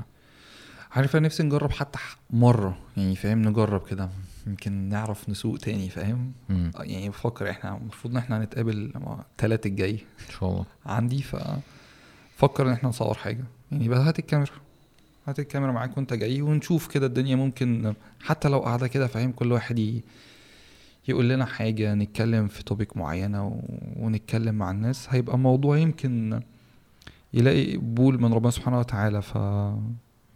يمكن يمكن طيب قول لي انت كنت عايز تتكلم على حاجة آه عايز أتكلم إحنا ما اتكلمناش عن جوازي خالص. آه، وأنا ما اتكلمتش عنه خالص في حياتي ما كتبتش عنه حاجة ولا قلت عنه حاجة وحاسس إن أنا محتاج أتكلم عنه عشان عايز أوفي حد حقه. حلو جدا. آه، جدا. وأنا أول مرة أتكلم في الموضوع ده. آه، حد آه، حماتي رحمة الله عليها يعني حماتي بقى لها سنة وكام. شهر كده توفاها الله. كان ليها فضل كبير جدا جدا جدا عليا في في جوازي آه، في إن الموضوع يتم. أنا اتجوزت مش هحكي تفاصيل الجواز قوي بس هحكي المواقف اللي حماتي فعلا فرقت معايا في حياتي جدا آه، رحمة الله أنا بحب حماتي جدا جدا جدا علاقتي بيها لحد آخر يوم حماية وحماتي الاتنين رحمة مم. الله عليهم يعني مرحبا. بس أنا هتكلم أكتر عن حماتي لأن هي دي اللي أنا محتاج أديها حقها جدا يمكن حماية كان قبل الجواز كان علاقتنا متوترة شوية لأنه بيحب بنته كانت بنته الوحيدة كان حاسس إن في حد هياخدها منه بعد الجواز العلاقة. بقت بقت مثالية. يعني علاقتي بيه كنا صحاب جدا. م- مشاكل في الشغل عنده يكلمني وأروح ويبقى عندي حاجات يجي آه، علاقتنا كانت حلوة جدا جدا. حتى لو كنا اختلفنا مع بعض في اختلاف أنا حماية طيب جدا. اختلاف في وجهات نظر سياسية مثلا أو كروية أو أو أو ايا كانت كان بيلم الدنيا وبيهندل الموضوع. عمر ما حسسني إن أنا مش ابنه. مم. تماما. من بعد ما اتجوزت بنته. قبل كده كنت بحس إن أنا هو حماية. لأ بعد الجواز مجرد إن إحنا اتجوزنا الموضوع اختلف تماما تماما يعني. وكنت بحس ده في عينيه لما كان بيعرفني على حد من صحابه أو حد من قرايبهم. كنت بحس إن هو فرحان بيا. رحمة الله عليه. وكان آخر كلمة حماية قالها لي والله آخر حاجة آخر حاجة سمعتها منه كنت أنا ماشي كنت كنت بزوره. فنادى عليا قال لي يا جعباص. ف فقلت كان بيقول لك يا جعباص؟ آه بيقول لي يا جعباص. فبقول له أيوه يا بابا. قال لي أنا بحبك. شاء الله. وقلت له أنا بحبك والله أنت حبيبي وصاحبي وبابايا وكل حاجة. ده كان آخر حوار حصل ما بيننا وبعد كده أنا مشيت. حتى وأنا ماشي اليوم ده كانت مراتي بايتة معايا وأنا كنت ببات معاه وكنت بروح ابات مثلا يومين وأروح يوم عشان الشغل وأروح. ف وأنا كنت ماشي قلت لهم ما تقولولوش إن أنا ماشي أصلا. يعني لو سأل عليا قولوا له إن أنا بجيب حاجة نايم أي حاجة عشان ما يحسش إن أنا مش موجود معاه. وصحيت تاني يوم على خبر وفاته يعني. آه إنما بقى يعني فكانت علاقتي بيه كويسة جدا. حماتي اللي كان ليها مواقف آه، معايا رحمة الله عليها يعني قوية جدا. ممكن آه نتكلم عنها بس نصلي الأول ونرجع نتكلم. طيب أوكي. أه حماتك. بص يا سيدي أنا إيه حماتي آه، أنا بحبها جدا رحمة الله عليها. جدا جدا. عملت مواقف المواقف دي لحد النهارده محدش يعرف عنها حاجة غير أنا ومراتي مم. حتى يمكن لما ولادها يسمعوا الكلام ده هيبقوا بيسمعوه لأول مرة أنا جيت بعد ما بعد ما خطبت مراتي آه، أنا حماتي بتحبني جدا وعلاقتي بيها كويسة جدا وصحاب وحبايب وحماتي صاحبتي رحمة مم. الله صح يعني بص بتكلم معاها في كل حاجة كأني بتكلم مع صحابي ونقلش ونهزر و... وحماتي دمها خفيف آه. رحمة الله عليها وحماتي فيها كمان دمها خفيف وبتعرف تقلد الناس. يعني ممكن تقعد. معاك تقوم مقلده صوتك وتقلدك. فممكن مثلا إيه عارف تقلد حد من من قرايبنا حد مش عارف مين تك... فبتقعد معاها ما بتشبعش من قعدتها. وحماتي رحمة الله عليها كانت كريمة جدا. يعني أظن إن ده من أكتر الأبواب الإحسان اللي كانت حماتي بتعملها إن هي كانت كريمة. ما كانش في حد ممكن يجي لو حد يغير لها الأنبوبة تغديه. أنت أكلت يا ابني؟ وعندها كده ملكة إن هي ممكن مثلا في نص ساعة تلاقي سفرة كاملة. الله. شوربة بطبيخ بلحمة بطواجن بمخللات و... يعني رهيبة رحمة الله عليها يعني ربنا يرحمها يا رب. حماتي بعد ما أنا خطبت كنت عايز أكتب كتابي. فحماية قافش لا تكتب ليه؟ فضلت أحاول مع حماية سنة إن أنا أكتب كتابي وبعد سنة وافق. قال لي بس إحنا كتب الكتاب هيبقى معاه شبكة. وأنا أصلا ما يعني. ما معيش فلوس أصلا عمال بجري في توضيب الشقة عشان عايز أتجوز. فموضوع الشبكة ده ما كانش في بالي أصلا خالص. أنا عايز أعقد حاجة كده في المسجد وفي الضيق مع صحابي وخلاص ويبقى إيه يبقى اسمي اتجوزت وخدت راحتي أكتر في علاقتي بخطيبتي يعني.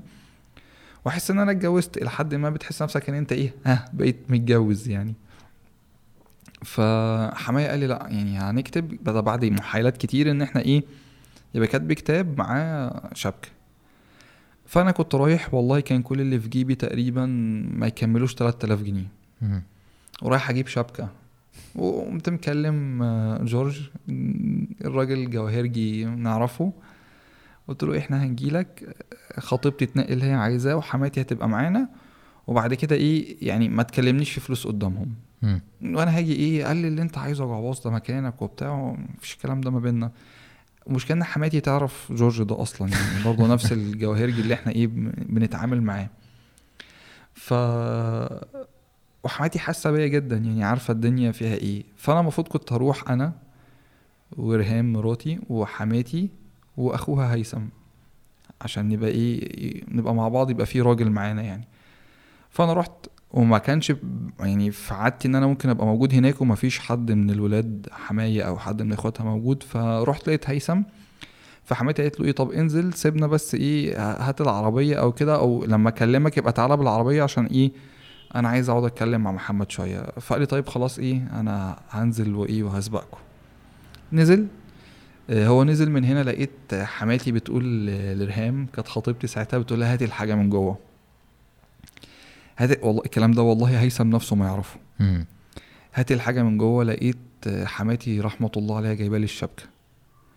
بتقولي دي دي هديتي مني ليك. وكانت الشبكة في التوقيت ده أنا متجوز من 2000 و الكلام ده كان في 2007 مم. آه يعني عارف اللي هو يعني كانت جايبة لي شبكة في حدود 25 ألف جنيه. يا ما شاء وأنا بقول لك ما ما معيش 3000 جنيه في جيبي. فكان بالنسبة لي إيه ده؟ يعني كانت شبكة كانت رهيبة يعني كانت حلوة جدا جدا جدا. وقالت لي خد بقى وكاتبة الوصل باسمي أنا وبص حاجة يعني من المواقف الله. اللي فرقت معايا كتير جدا جدا جدا. هي شايفة إن سعادة بنتها ممكن تبقى في كده وإن أنا زي ابنها وإن هي ممكن تساعدني. وقالت لي اتصل بحماك بقى إيه وبعمك و- وقول له فاتصلت بيه. آه حبيبي قلت له إحنا جبنا الشبكة. وجبنا الشبكة كام جرام وكانت بكذا. قال لي ليه بس يا حبيبي أنت كلفت نفسك؟ قلت له لا ده هي تشاور بس. ده بنتك تتاقل بالذهب يا عم ومش عارف إيه والموضوع. آه. عدى. فمهم إيه فبكلم هيثم. فقامت حماتي إيه قالت طب كلم هيثم عشان مستنيني أقول له. ف... فاتصلت بيه هيثم صاحبي أصلا. فقلت له هيثم إحنا خلاص آه، جبنا الشبكة وجبت قال لي جبت إيه يا جعباص قلت له إحنا خلاص جبنا الشبكة. قال لي جبت بكام؟ فقلت له مش فاكر كانت حاجة وعشرين ألف يعني. فقال لي انت بتهرج يا جعباص انت بتتحرج. أنا أمي وأختي نقوا. انت بتتحرج. مش سبحان الله أنا عارف. قلت له لا يا حبيبي كانت تشاور بس. وأنا وأنا أجيب. فمن المواقف اللي رحمة الله عليها يعني كانت آه، كانت على طول بتدعمني على طول. خلصنا جينا في الفرح. أنا في الفرح عايز قاعتين. حماية عايز يعمل فرح وأنا مش عايز أعمل فرح. وحماية عايز يعمل فرح كبير. في نادي وقاعة وبوفيه بقى وحاجة. وأنا عايز أتجوز. يعني فاكر أنا بقول "ها، ده أنا ده أنا جبت تكييف. يعني أنا جبت تكييف أعمل إيه تاني؟ أنا مش, مش عارف أعمل إيه تاني. فمفيش خالص بقى. وكانت في الفترة دي ابتديت بقى أتعب نفسيا. يعني خلاص بقى أنت كل فلوسك رايحة على التجهيز الجواز. ومش مش عارف أعمل إيه. عايز يعني عايز اتجوز وخلاص يعني الموضوع مش هيخلص عشان فرح وفرح بيتكلم في رقم. وأنا مش هينفع قاعة واحدة لأن أنا عايز قاعتين فانت بتتكلم في فرحين. مم. وقاعة واحدة دي كانت بالنسبة لي مش هينفع عشان الاختلاط. طيب إيه الحل؟ مش عارف. قعدت ادور ف مش عارف. قعدت ادور على أرخص قاعة. مفيش. يعني موضوع أقل حاجة أنا مش هعرف أساعد فيها أصلا.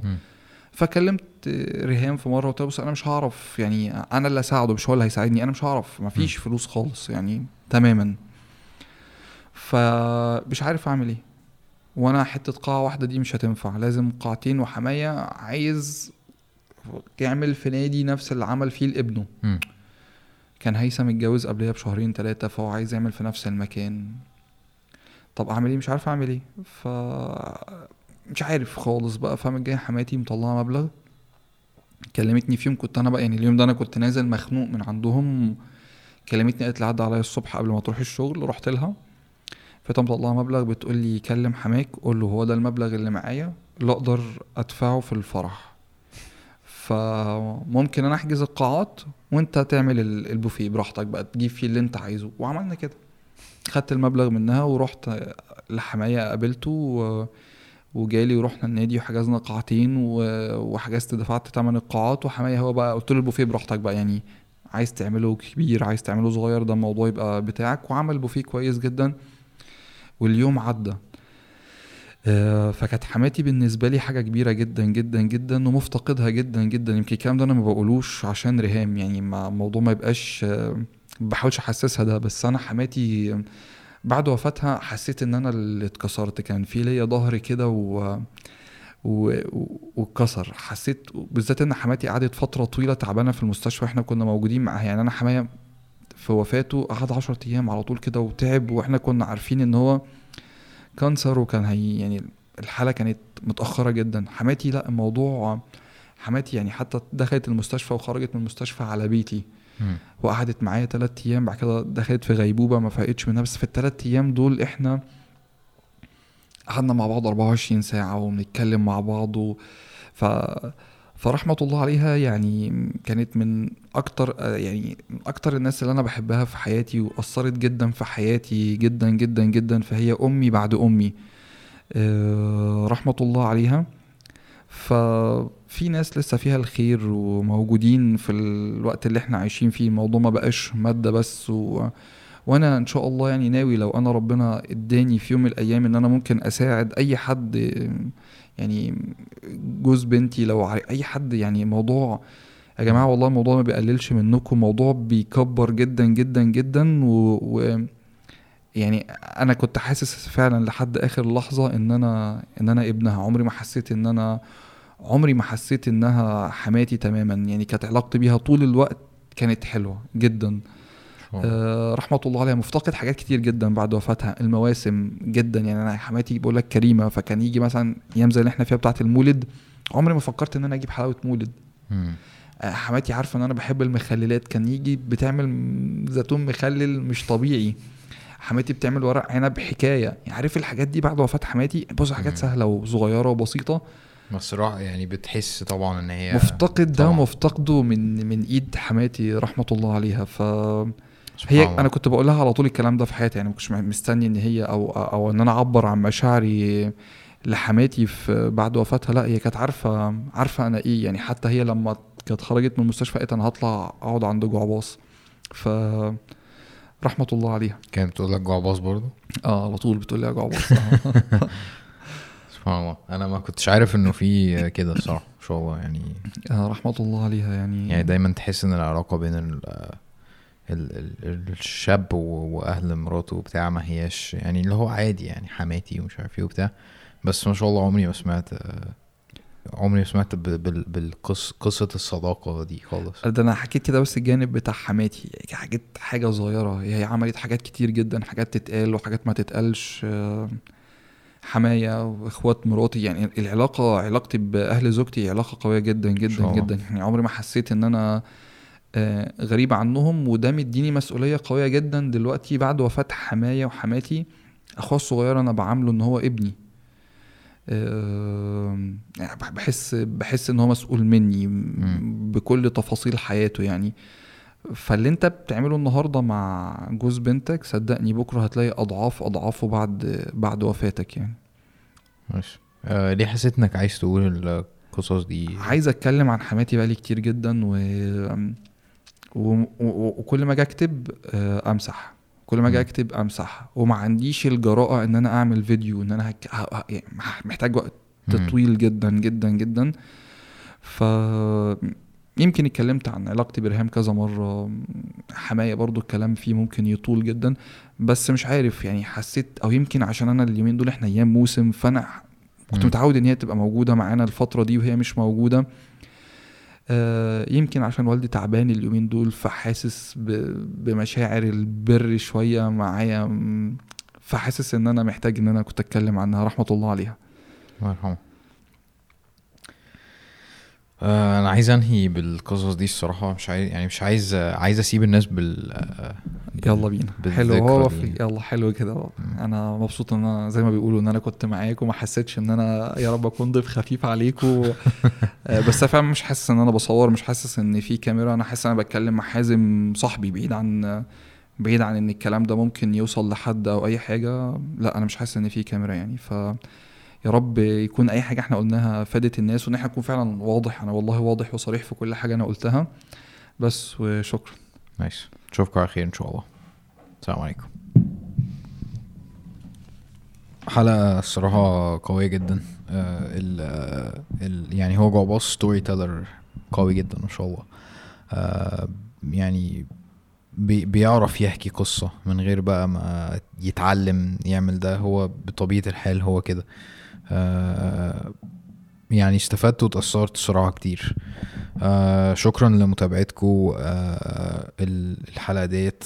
آه وشكرا لل الناس اللي بتدعمني على آه باتريون آه إحنا تقريبا دلوقتي 80 أو حاجة يمكن أكتر. آه بفكركم إن أنتوا تقدروا تدعموا البودكاست آه علشان ده بيساعدني إن أنا أطور في العدة وبيساعدني إن أنا أتحرك أسرع. آه من لو أنا شغال لوحدي خالص يعني. آه وفي نفس الوقت ال community اللي على Patreon من أقوى الناس اللي أنا آه، يعني بحاول جدا إن أنا أقابلهم ونجحت في دوت كذا مرة إن أنا أقابل الناس اللي موجودة على Patreon أقابلهم وجها لوجه. فعلا من أحسن الناس اللي قابلتها حتى الآن فهيبقى community حلو جدا. آه كمان بنعمل Q شهري وبحاول كل فترة أنزل مثلا mini vlog أو حاجة زي كده هناك. آه ف هتلاقوا link في ال description اللي عايز يدوس. أشوفكم الحلقة الجاية إن شاء الله. السلام عليكم.